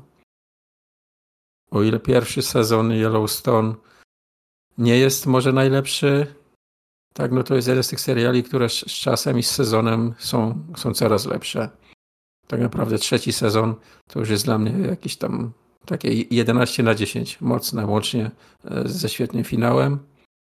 I czwarty sezon też trzyma poziom, mogę powiedzieć. Pierwszy sezon trochę, jak na mój gust, za, za szybko pędzi, no ale to ja lubię, lubię seriale, które się dosyć wolno toczą. Bardzo, bardzo lubię Better, Be- Better Call Saul na przykład, tak? Wiem że, nie- wiem, że nie każdemu ten typ narracji pasuje. Tak, to jest całkiem niezłe porównanie. Myślę, że jak ktoś lubi Sola, to e, zdecydowanie, zwłaszcza te późniejsze sezony Yellowstone no- bardzo. No pierwszy może mu się nie spodobać tak jak ja, no po tym pierwszym miałem takie uczucia mieszane, bo tam jest, bohaterom się przytrafia za dużo rzeczy. W każdym odcinku coś się dzieje i to się dzieje, wiesz, non-stop. Nie wiem, no, użyję porównania, że nie wiem, bohaterowie porywają dziecko, biegnie go szukać, przewraca się na schodach, zabiera go, go karetka, w karetkę wjeżdża y, samochód policyjny, który goni bandytów, którzy napadli na, na bank, wywiązuje się strzelanina i tak dalej, nie? I, I tak to mniej więcej wyglądało. Dla mnie to za szybko wszystko pędziło do przodu po prostu w pierwszym sezonie. Nie wiem, czy ty też Futrzi tak miałeś. E, Znaczy ja na to nie zwracałem aż tak dużej uwagi, dlatego że e, ja jestem totalnie w tym klimacie zakochany, tak? Od, od dawna. Wszystko, co jest związane jakkolwiek z tą częścią Stanów, która jest raczej niezamieszkana zbyt gęsto, e, no to dla mnie jest od razu bardzo interesujące. Także jak zobaczyłem coś takiego powstało, to od razu byłem kupiony. E, No a jak potem do tego doszła tak, taka, taka świetna fabuła, no to nic lepszego już być nie mogło. Natomiast widoki rozumiem, co. Tak. Znaczy tak. to nie to, że narzekam, nie? Tak, ja wiem, że pewnie są ludzie, którzy powiedzą, że trzeci sezon je- jest za nudny na przykład, tak? Mhm. A pierwszy był spoko, bo, bo, bo coś się działo. Nie? Ale wiecie co, E, wetnę wam się na chwileczkę, bo e, w sensie już mówicie o konkretnych sezonach, a w sumie e, nie do końca, nie do końca jeszcze wiem, jaki jest ogólny pomysł na te seriale i prequele, w sensie o czym tak, tak, tak naprawdę mówimy. Yellowstone to jest rancho w Montanie, które należy do rodziny Datonów. I tak naprawdę serial opowiada o rodzinie Datonów. Jest syn, jest ojciec, przepraszam, dwóch synów i córka, tak, w takim głównym korze tej rodziny. No To, i, to- I to jest o nich. O ranchu i, i tak dalej. No i wszystko, co byśmy ci mówili, inne będzie już spoilerami z każdego Mhm. sezonu po kolei. Mhm, jasne, jasne. Nie, no w sensie rozumiem, czyli gdzieś tam e, powiedzmy je- jest setting, a, a pewnie, pewnie głównym motorem napędowym są te relacje międzyludzkie. No też bo, tak naprawdę nie wiem, to nie będzie spoiler, że to jest walka o przetrwanie tego rancha w taki czy inny sposób. Bo no, no obecne czasy tak naprawdę nie sprzyjają temu, żeby, żeby takie rzeczy były, wiesz, w prywatnych rękach, nie? Masz, ma- masz jakieś duże korporacje i tak dalej, które się zajmują rolnictwem w Stanach. To jest za dużo dobrej ziemi, żeby nic z tym nie było robione. No właśnie. Mhm. No więc no, to, to tak mniej więcej się sprowadza o rodzinie i o, o, o walce o przetrwanie tego rancza. O, tak. Można powiedzieć, nie spoilerując za bardzo. Mhm. Natomiast no, postacie A- są, są bardzo dobrze napisane, ja naprawdę. Tak jak z początku może ciężko je, je polubić w jakimś tam stopniu, Mhm. tak no, z każdym sezonem zaczynasz je bardziej rozumieć i zaczynasz lubić te postacie, chociaż może jest mało rzeczy, za które można je lubić, No, to tak. Ale też bywały takie seriale, nie? Że niby ktoś robi z- złe rzeczy, a jakoś tam sympatią do niego pałasz. W jakimś tam stopniu. Nie wiem, czy tak mieliście. Zdecydowanie. No. Więc Okej, a powiedzcie, e, te, te prequele i tak dalej, spin-offy, to, to, są, to wszystko jakby kontynuuje jedną fabułę, czy, czy gdzieś tam trzyma setting po prostu? Znaczy jest tak, pierwsze wyszło Yellowstone, e, cztery sezony wyszły, potem wyszedł z e, prequel, to jest nazwa 1883 e, i to dosłownie przynosi nas do tego roku e, i opowiada o początkach początkach rodziny Dotonów w w Montanie. Nie, no, mm, tak, nie, nie powiem, może tak. A, okej, dobra. Zobaczysz. Opowiada o porządkach tej rodziny w pewnym stopniu. Em, I jeśli ktoś oglądał oczywiście Yellowstone, no to zobaczy już postać, która się pojawiła w jednym czy dwóch odcinkach głównej serii. Em, ale tylko jako wspomnienie, nie, nie, nie jako nic Mhm. obecnego oczywiście. E, No i 1923 jeszcze sam nie oglądałem. E, Natomiast to jest bardzo podobny motyw. To jest też przeniesienie się w przeszłość tylko trochę później i znowu jedziemy o detonach. Tak to działa. A, A- zapowiedziane cztery szóstki e, to już ma być spin-off. A- Ale o tym jeszcze no, konkretów na razie nie ma. Ale to jest, o- to jest o innym ranczu będzie. Tak, tak, tak. Bo cztery szóstki to jest nazwa rancha w Teksasie. Tak, to już ustaliliśmy. No to Zawiedziony byłem. No. lecić. Naprawdę kawał dobrej telewizji. Bardzo dobry casting, dobrze zagrane postacie. e, Nic nie zgrzyta jakoś.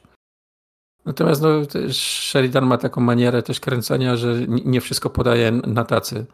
Jakoś tak i ta narracja jest taka, że część rzeczy dzieje się gdzieś poza kadrem i, i tak naprawdę no, i, potem widz jest stawiany przed faktem dokonanym, że coś gdzieś tam się wydarzyło, nie?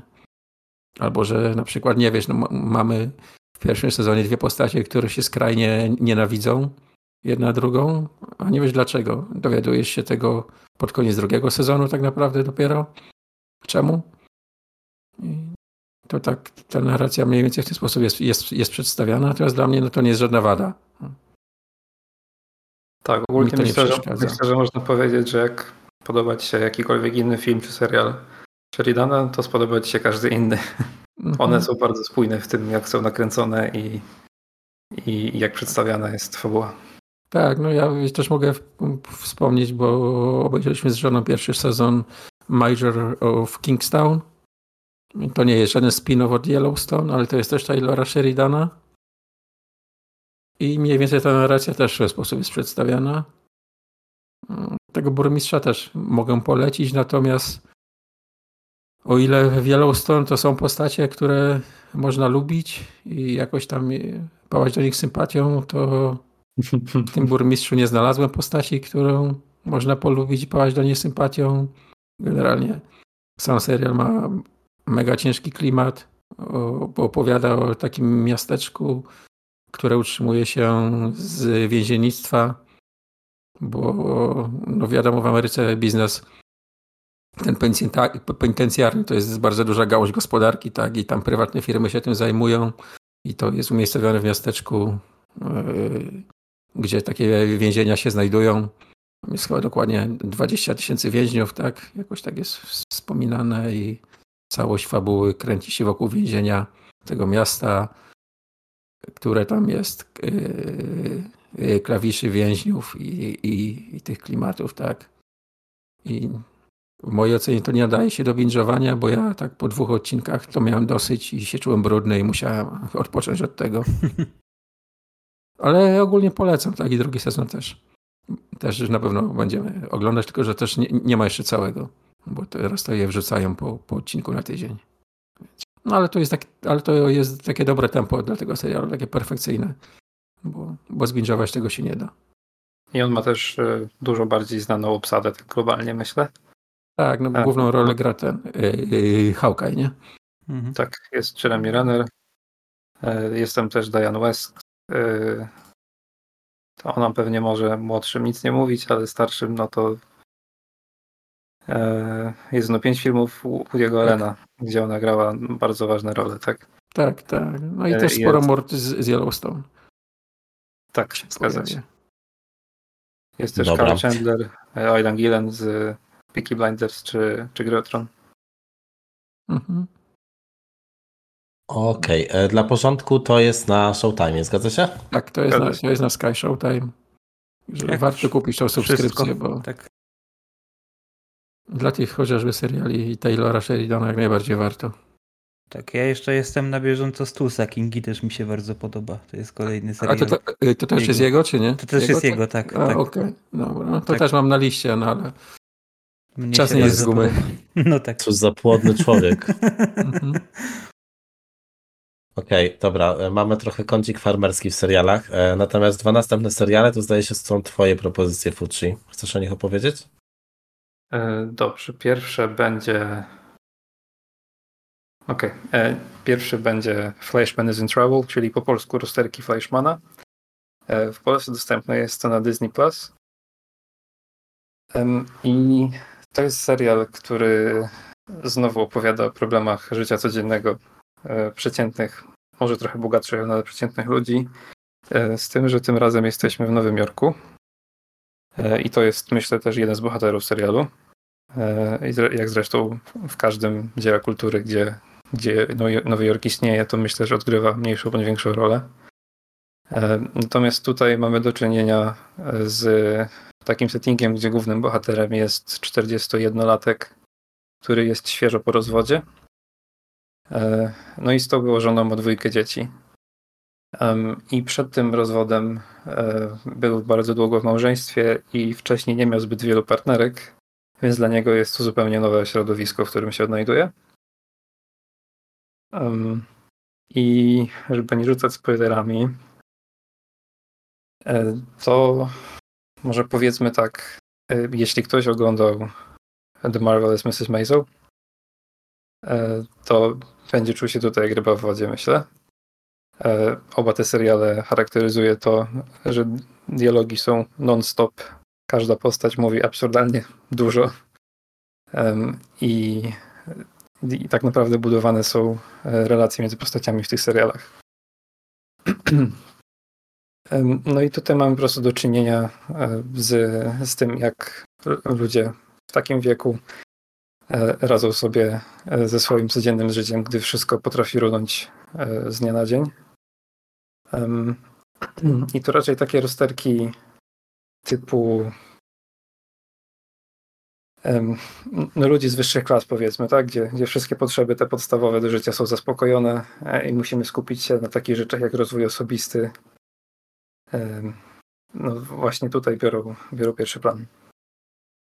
E, Jak macie jakieś pytania, to może śmiało, tak będzie łatwiej o tym opowiadać bez wchodzenia w fabułę bezpośrednio.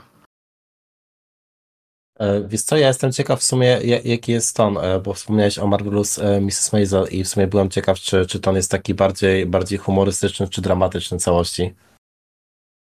Humoru jest sporo, aczkolwiek raczej wynika on z tego śmiania się przez łzy, które już wspominaliśmy, em, że to są rzeczy, które mogą trochę załamywać, e, ale jednak, e, jednak humor jak najbardziej się pojawia.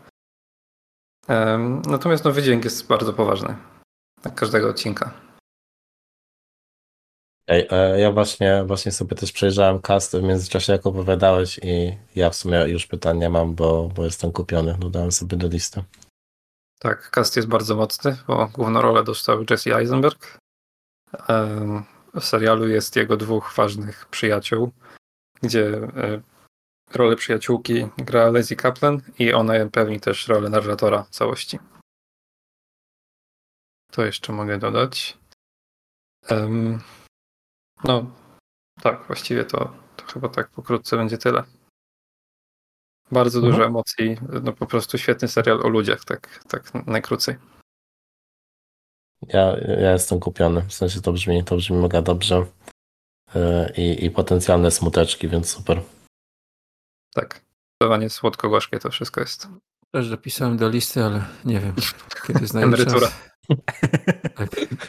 Widzisz, to jest, to jest właśnie potencjał na serial o tobie. W sensie ty zmagający się ze swoją kubką wstydu i wzdychający nad nią, że no, nie wiem kiedy. Musisz okrężną drogą jeździć do domu. tak. Tak, będę jeździł przez Przemyśl, kurwa, pociągiem. No, dobra, Futsi, a czy, a czy równie, równie słodko-gorzkie jest Slow Horses? Zresztą Horses, czyli Kulawe Konie Polsce na Apple TV. Właściwie wszędzie na Apple TV. Em, to jest serial na podstawie e, książek. Zresztą Flashman też jest na podstawie powieści, ale to nie jest zbyt istotne dlatego. Em, a e, Kulawe Konie e, jest do szpiku brytyjskie. I ten typowy brytyjski wisielczy humor jest bardzo, bardzo wypuklony w każdym odcinku. Więc jeśli ktoś go nie trawi, to trzymać się z daleka. Natomiast jeśli ktoś czerpie z niego dużą przyjemność, to to, to jest świetny seans. E, To jest serial szpiegowski. E, I już w głównym zarysie jest e, duża nutka humoru. Mianowicie jest to serial szpiegowski opowiadający o szpiegach, którzy w zawodzie są no nie najlepsi, lekko mówiąc. Mianowicie jest to specjalna jednostka brytyjskiego kontrwywiadu, e, ale taka no, specjalna, bo spe- specjalnej troski troszkę, bo trafiają tam tylko szpiedzy, którzy nie potrafili sobie radzić z dość podstawowymi zadaniami, które im powierzano wcześniej. E, I przynajmniej tak docelowo ta praca, która jest do nich przypisywana obecnie, to jest ta najbardziej żmudna, niewdzięczna i tak dalej, i tak dalej. E, Natomiast no, to się wszystko łączy później fabularnie z obecnymi działaniami e, tego właściwego brytyjskiego wywiadu. E, I, I to wszystko nabiera jak najbardziej rozpędu. I główną postacią, e, która ma was zachęcić do oglądania tego serialu, jest Gary Oldman, O, który, który po raz kolejny wchodzi na jakieś wyżyny aktorstwa i swoją grą jest absolutnie odpychający, odrażający e, i nie do wytrzymania, a przy tym w tym samym czasie bardzo, bardzo interesujący i chcecie go poznać i śmiejecie się z każdego obrzydliwego żartu e, czy, czy innego gagu. To jest taka historia, która mm, trochę podąża tropem, że wiesz, mm, jest taka grupa właśnie takich takich fight łapowatych misfits i oni udowadniają wszystkim, że mimo tego są w stanie coś osiągnąć? E, W pierwszym sezonie możesz tak myśleć, ale potem wychodzi, że tak nie jest. O, no spoko, spoko, bo to Cóż za plot wiesz, twist. cóż za plot twist. Tak, i tutaj Oldman e, dość dużą rolę w tym odgrywa. e, W tym właśnie wzbijaniu w dół każdego, kto w ogóle próbuje jakoś się pokazać i, i udowodnić, że wcale nie jest taki chujowy. Mhm. Ale wspomniałeś w pierwszym sezonie, czyli rozumiem, że już jest więcej, tak? E, Tak, obecnie są dwa. Mhm. E, Oba są na podstawie książek, tak samo jedna, jedna druga. e, I zapowiedziane są kolejne dwa na podstawie dwóch kolejnych książek z tej serii. No.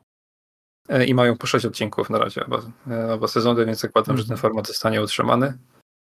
Czyli nie jest to tam 12-odcinkowy sezon, tylko na krócej Nie, nie, możemy nie. się nastawiać. Okay. No, szybko leci. To, to mi pasuje. Tak, to jest zawsze zachęcające. Tak, to jest prawda. A co tam dopiszę sobie, co mi tam zależy. No ja I też, jak najbardziej można obejrzeć pierwszy sezon, potem zapomnieć o tym na pół roku i wrócić i nadal jest spoko. Nie powinno być żadnego problemu. no ja też kliknąłem. E, I może jeszcze dodam, że e, tu jest fabularnie, e, bez spoilowania jakoś dużo. To w brytyjskich serialach ostatnimi laty jest dość mocny, dość mocno widoczny motyw skrajnej prawicy. E, Bo czy to było ostatnio w polski, polski tytuł to było Rok za rokiem. e, Years and Years, e, tudzież Trigger Point, stan zagrożenia po polsku. To są kolejne brytyjskie seriale, które o tym mówiły. Tak tutaj też w pierwszym sezonie wątek nacjonalizmu jest bardzo mocno wypuklony. I nie wiem, jak to się odnosi do dyskusji społecznej jakiejś Wielkiej Brytanii, ale no tak, tylko zwracam uwagę, że jeśli kogoś temat interesuje, to To są, to cho- chodzi o takie postbrexitowe vibe, czy... e, też, tak, jak najbardziej. No. Okej, Nie tylko, Okej. ale też. okej, to sobie brzmi intrygująco. No dobra. Tak, Ksan? Chciałem zapytać, czy też kliknąłeś. E, nie, tego, tego nie kliknąłem akurat. W sensie, bo pro, nie, problem jest taki, że właśnie ja sobie myślę o tym w kontekście platform i na Apple TV mam tak gigantyczne zaległości, e, łącznie z Severance, że e, no e, tak, jakby... Apple ja TV muszę jest trochę prostu- problematyczne, bo tam nie można złej rzeczy kliknąć. Ale No jak, masz właśnie, ten, tak. jak masz wybierać z brytyjskich seriali jeden, to wybierz tego, yy, wybierz Clarksona. Dobra, to wybiorę Clark, Clarksona w takim razie. Mm, dobra, czyli seriale sobie mamy zawinięte. E, I jeżeli chodzi o taki temat, e, temat odcinka na sam koniec, o którym chcieliśmy sobie pogadać, to jest to, co się wydarzyło ostatnio, a mianowicie premiera e, PlayStation VR 2. E, No i oczywiście to znowu, znowu budzi, budzi dyskusję na temat VR-u. Je- Jest to taka technologia, która, która spośród tych takich, wiecie, nowinek technicznych faktycznie z nami została, ale no jakby trudno nie odnieść wrażenia, że absolutnie nie znajduje sposobu na przebicie się na masową skalę. W sensie e, jakby PlayStation VR pierwsze sprzedało się naprawdę dobrze, e, natomiast no, no tutaj cały czas nie mówimy o takich liczbach, które by powiedzmy uczyniły z tego jakieś takie, nie wiem, czy standardowe peryferium, czy, czy jakby sposób grania, który interesuje każdego jednego gracza. No i właśnie e, mo- moje pytanie do Was e, jest takie, czy, czy jakby mając, mając tą premierę PlayStation VR, jakby line-up w ogóle, e, line-up towarzyszący tej premierze, czy myślicie, że to jest ten punkt, w którym jest w stanie coś zmienić? Ja myślę, że nie. W sensie to raczej wydaje mi się, że nie będzie nigdy powiedzmy główny sposób, w który będziemy grać w gry. Tylko to będzie powiedzmy jakaś nisza, coś pobocznego.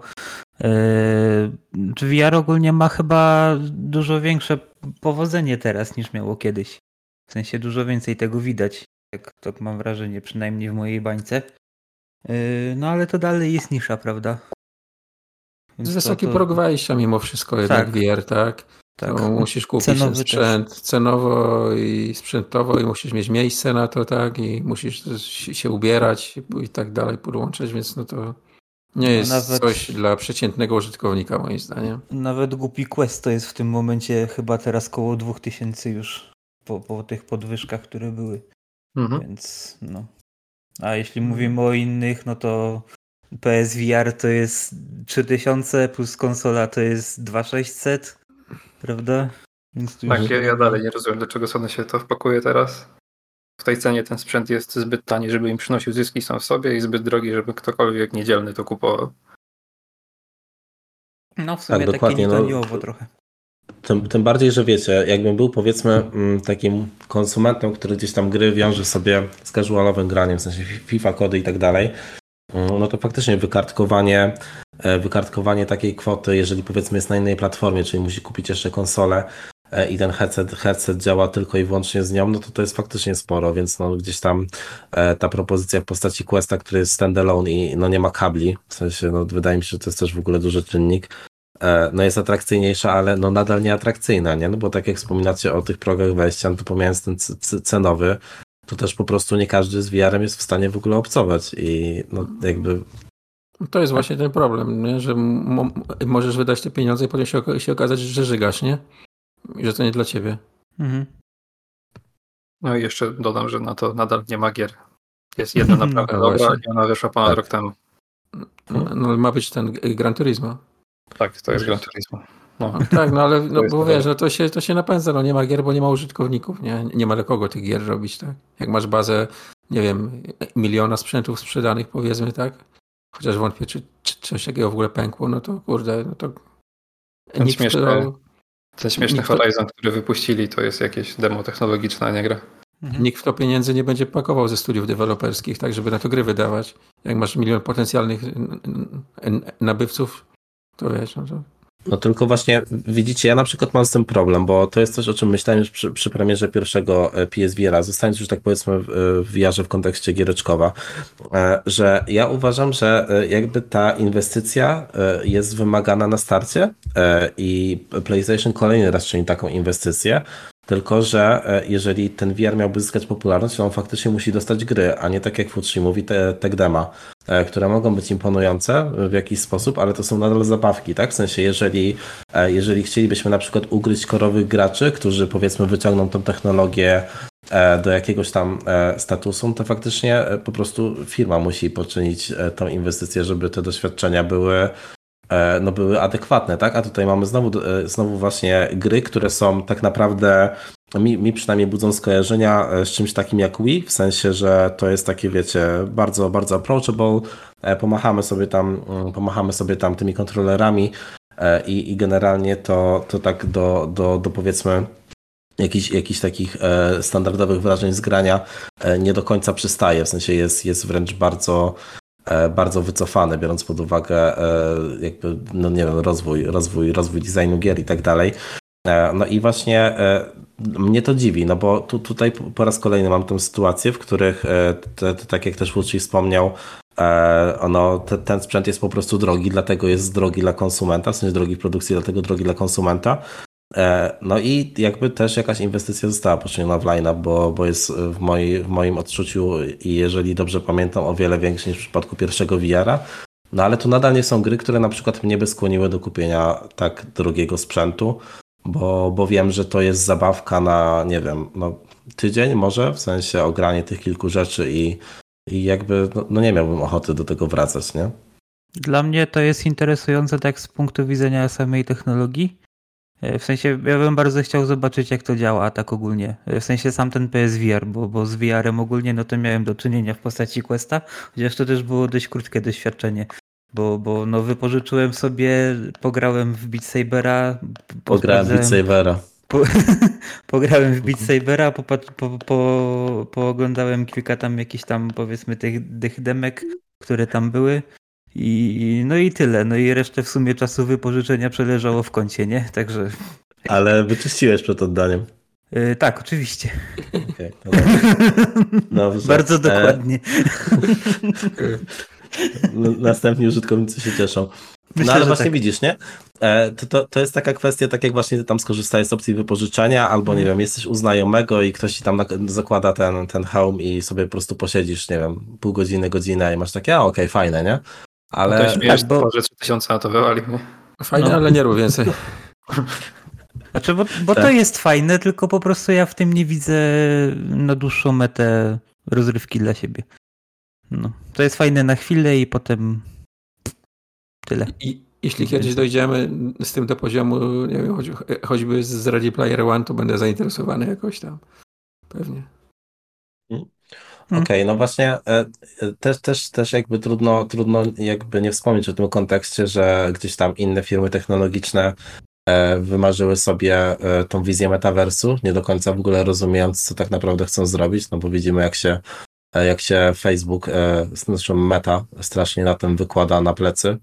E, I, I no, jakby to wydawało mi się, że jest potencjalnym punktem popularyzacji technologii, ale no jakby też widać, że to, to nadal nie ma, nie, ma, nie ma racji bytu, żeby, żeby się wydarzyło, co nie? Znaczy, to musi wejść, wejść gdzieś na dużo wyższy poziom, żeby to miało sens. To, co jest teraz, to nie wyjdzie poza jakąś tam zabawkową niszę dla mnie, nie? To Mhm. musi by, być Tak. jakiś skok technologiczny taki, że nie wiem, sobie, sobie wepniesz wtyczkę do głowy. O.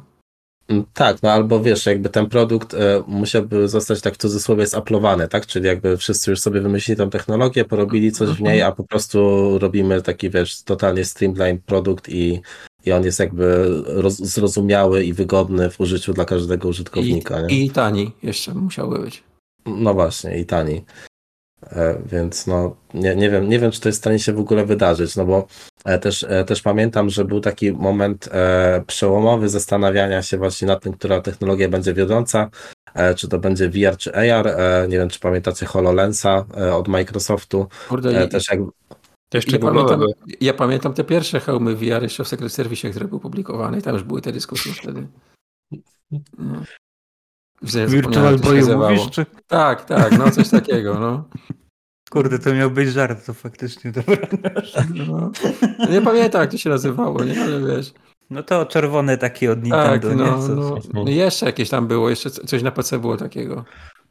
Już Nie pamiętam tych nazw, ale pamiętam, że to jeszcze w Secret Service o tym czytałem, nie? No właśnie, ale, ale na przykład e, e, tak, e, w sensie ugryzłem ten wątek, bo Microsoft się z tego wycofał. W sensie, jeżeli chodzi o kontekst konsolowy, to, to zostało, zostało w firmie do do takiego profesjonalnego użytku. E, w sensie do, do, profesjonal, do, do profesjonalnych klientów. E, no i właśnie, czy, czy to nie był w sumie koniec końców dobry ruch, w sensie e, dostrzeżenie, bo, bo jakby tam prezentowano tą technologię, zdaje się na przykładzie Minecrafta, że sobie budowano jakiś tam świat na scenie. No i w sumie oni wyszli, a PlayStation zostało i tak naprawdę mogło zostać przy pierwszym VR-ze, a, a jakby stwierdzono, że no, no trzeba puścić drugi, nie? I to jeszcze, jeszcze w otoczce tego, że gry z PlayStation VR 1 nie są kompatybilne z PlayStation, PlayStation VR 2. No, to nie jest żart, naprawdę. No. Znaczy niektóre mają aktualizacje, nie? Tylko no, uh -huh, uh -huh. jak to z aktualizacjami, tak, no, to... nie, niektóre są darmowe, niektóre są płatne, nie? To już Do, dobra wola dewa, nie? Musi się tak. to jeszcze wydarzyć. Tak. No, więc... więc z, jakby, z automatu no to... nie zadziała, nie? Tylko trzeba, uh mhm. -huh. trzeba jakieś tam prace. Okay. Więc właśnie tutaj taki potencjalny argument w postaci tego, że faktycznie to PlayStation VR zbudowało już jakąś e, bibliotekę, no nagle odpada, tak? Jakby e, mhm. Zdaje się, że tam e, problematyczne, problematyczne były tematy związane z kontrolerami i z no tym właśnie, w ogóle jak jest śledzony ruch. Tak, bo to jest no PSVR 1 od 2 to jest technologiczna przepaść, nie? To jest jakby kilka generacji konsol, można by powiedzieć. E, i pod względem właśnie ekranów i, i, i, sterowania i śledzenia tego ruchu. No zresztą PSVR 1 korzystało z mówów z PS3, nie? Więc tak. no. tak, tak. Okay. A tutaj są dedykowane kontrolery z haptyką i tak dalej. Zresztą tak. haptyka też jest w samym hełmie, z tego co się orientuje. Więc...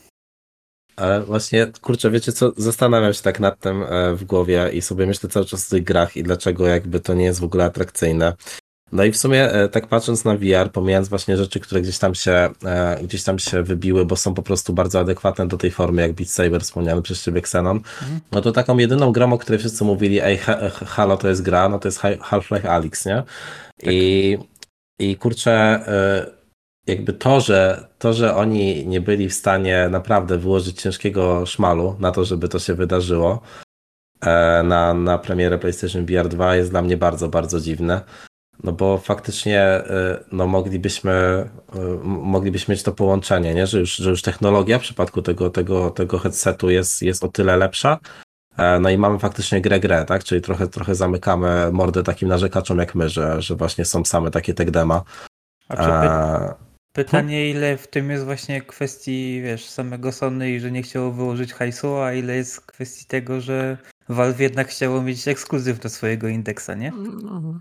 Valve było stać, żeby wywalić tą grobę bańki na tą grę. No, tak? no. I, I podejrzewam, że oni na niej nie zarobili. Nie? No, pewnie nie. Zresztą oni do, do, do swojej gogli dodają kopię, nie? No, więc... Dla wielu by no, wystarczyło, jest... żeby PSVR 2 było otwarte, nie? żeby działało tak. na PC po prostu. Tak. No to jest to dalej, wiesz, jakaś tam zabawka. To jest dalej jakaś tam zabawka Gabe'a, nie? Jego fanaberia, bo, bo ich stać, żeby się, się, się, tym bawić i to robić. Tak?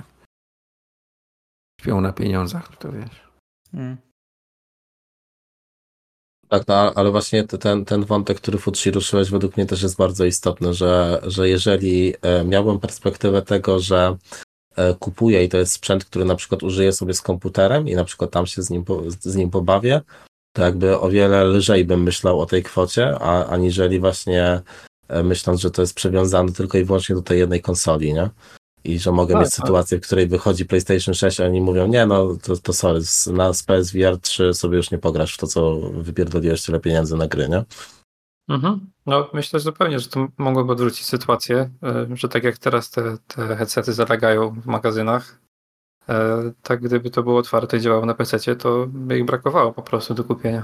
No tam biblioteka gier jest jednak dużo większa, a a, a, a, a no sam, sam headset, jeśli chodzi o sprzęt, ten, ten, ten, yy, no tę warstwę sprzętową, no to jednak jest bardzo, bardzo dobrą propozycją w tych pieniądzach.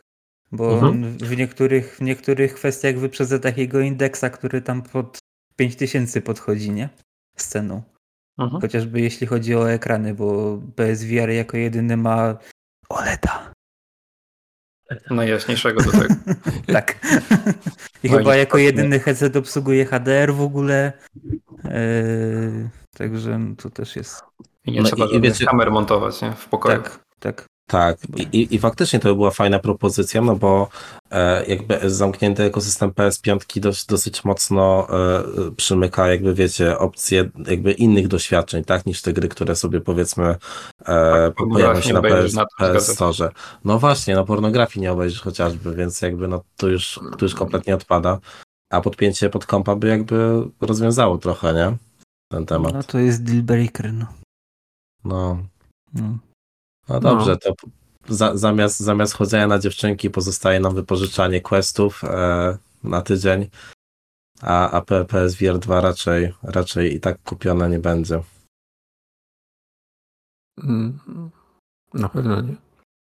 Znaczy, MSAT, MSAT jakby ty możesz dostać z Patronite'a razem z konsolą, to też możemy jako, jako, jako cel bonusowy. Tak, tak, od razu ba bandera dostaniesz. Ale pożyczysz wtedy, nie? No ja. Wyczyszczę. O, W Ryzonie chyba wyczyści. Dobra, czy jeżeli chodzi, chodzi o temat VR-u, macie coś jeszcze do dodania? W zasadzie nie, chyba, no. Nie. Odwiedzimy Fajne, ale- na 8 lat. Fajne, ale nie rób więcej. Tak, dokładnie. O, 8 lat PSVR 3, jesteśmy tam, mówimy dokładnie to samo, nadal się nic nie zmieniło. Tylko, że siedzimy w 50 stopniach i tak naprawdę jesteśmy na skraju wyginięcia. Oh well. Ale możemy przynajmniej w VR-ze posiedzieć i, i w Horizonie rę, ręce powyciągać w powietrze. Dobrze. E, widzę, widzę, że kolejny odcinek kończymy taką optymistyczną myślą. Bardzo mi się to podoba. E, ja, ja Wam pięknie dziękuję e, za nagranie e, i, i możecie, możecie też słuchaczom podziękować za uwagę. Dziękujemy. Jeśli dotrwaliście, to bardzo dziękujemy. Tak. Tak. Bardzo. Tak. Zrobiliście to, jakbyście to trenowali w ogóle, nie wiem, 5 godzin przed nagraniem, takie synchro. E, perfekcyjnie, tak. Z mojej strony również podziękowania. E, a jeżeli dotarliście do tego punktu, to znaczy, że bardzo chcecie z nami zostać, a jak bardzo chcecie z nami zostać, to mamy serwer Discord. E, na ten serwer możecie się dostać przez kliknięcie w link w opisie odcinka. A także zapraszamy serdecznie i do usłyszenia w następnym odcinku. Pa! Cześć. Pa. Pa.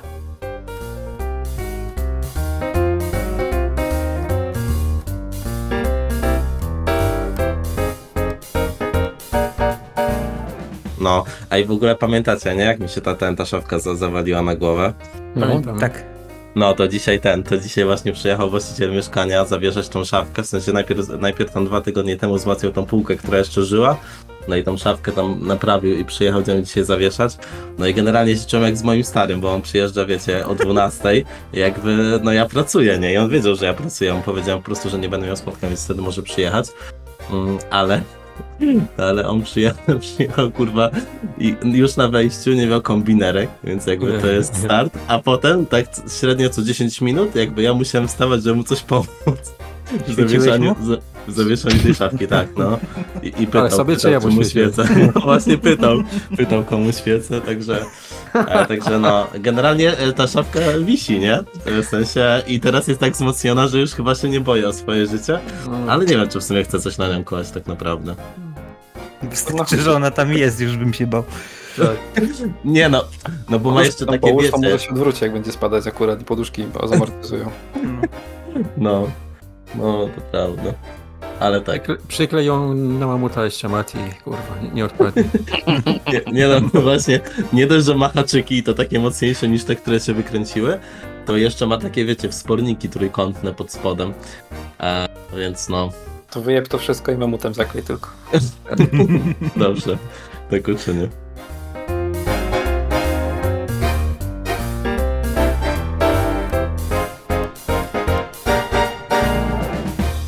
Ej, a ty, a tu jest zamknięta beta, ty nie masz NDA-ki podpisanej, żeby nas kurwa... Nie, nie, nie, można, można streamować, można wszystko.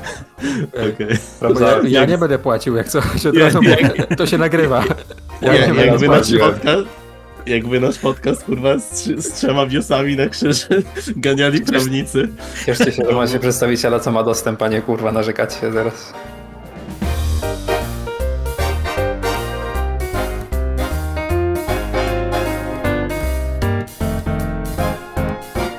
No i ostatni news jest bardzo istotny, ponieważ e, pojawił się, pojawił się nowy Benacer i będzie miał 88 overalla.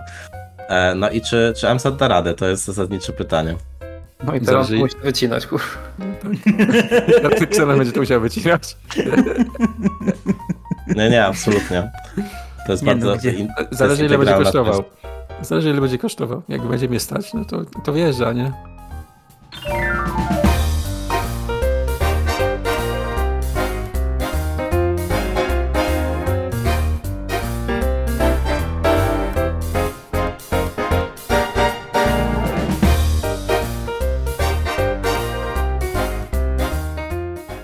Pierdolę, pierwszy raz w życiu widzę bobro! Jakie bydle jebane! Spierdolił do wody i się utopił!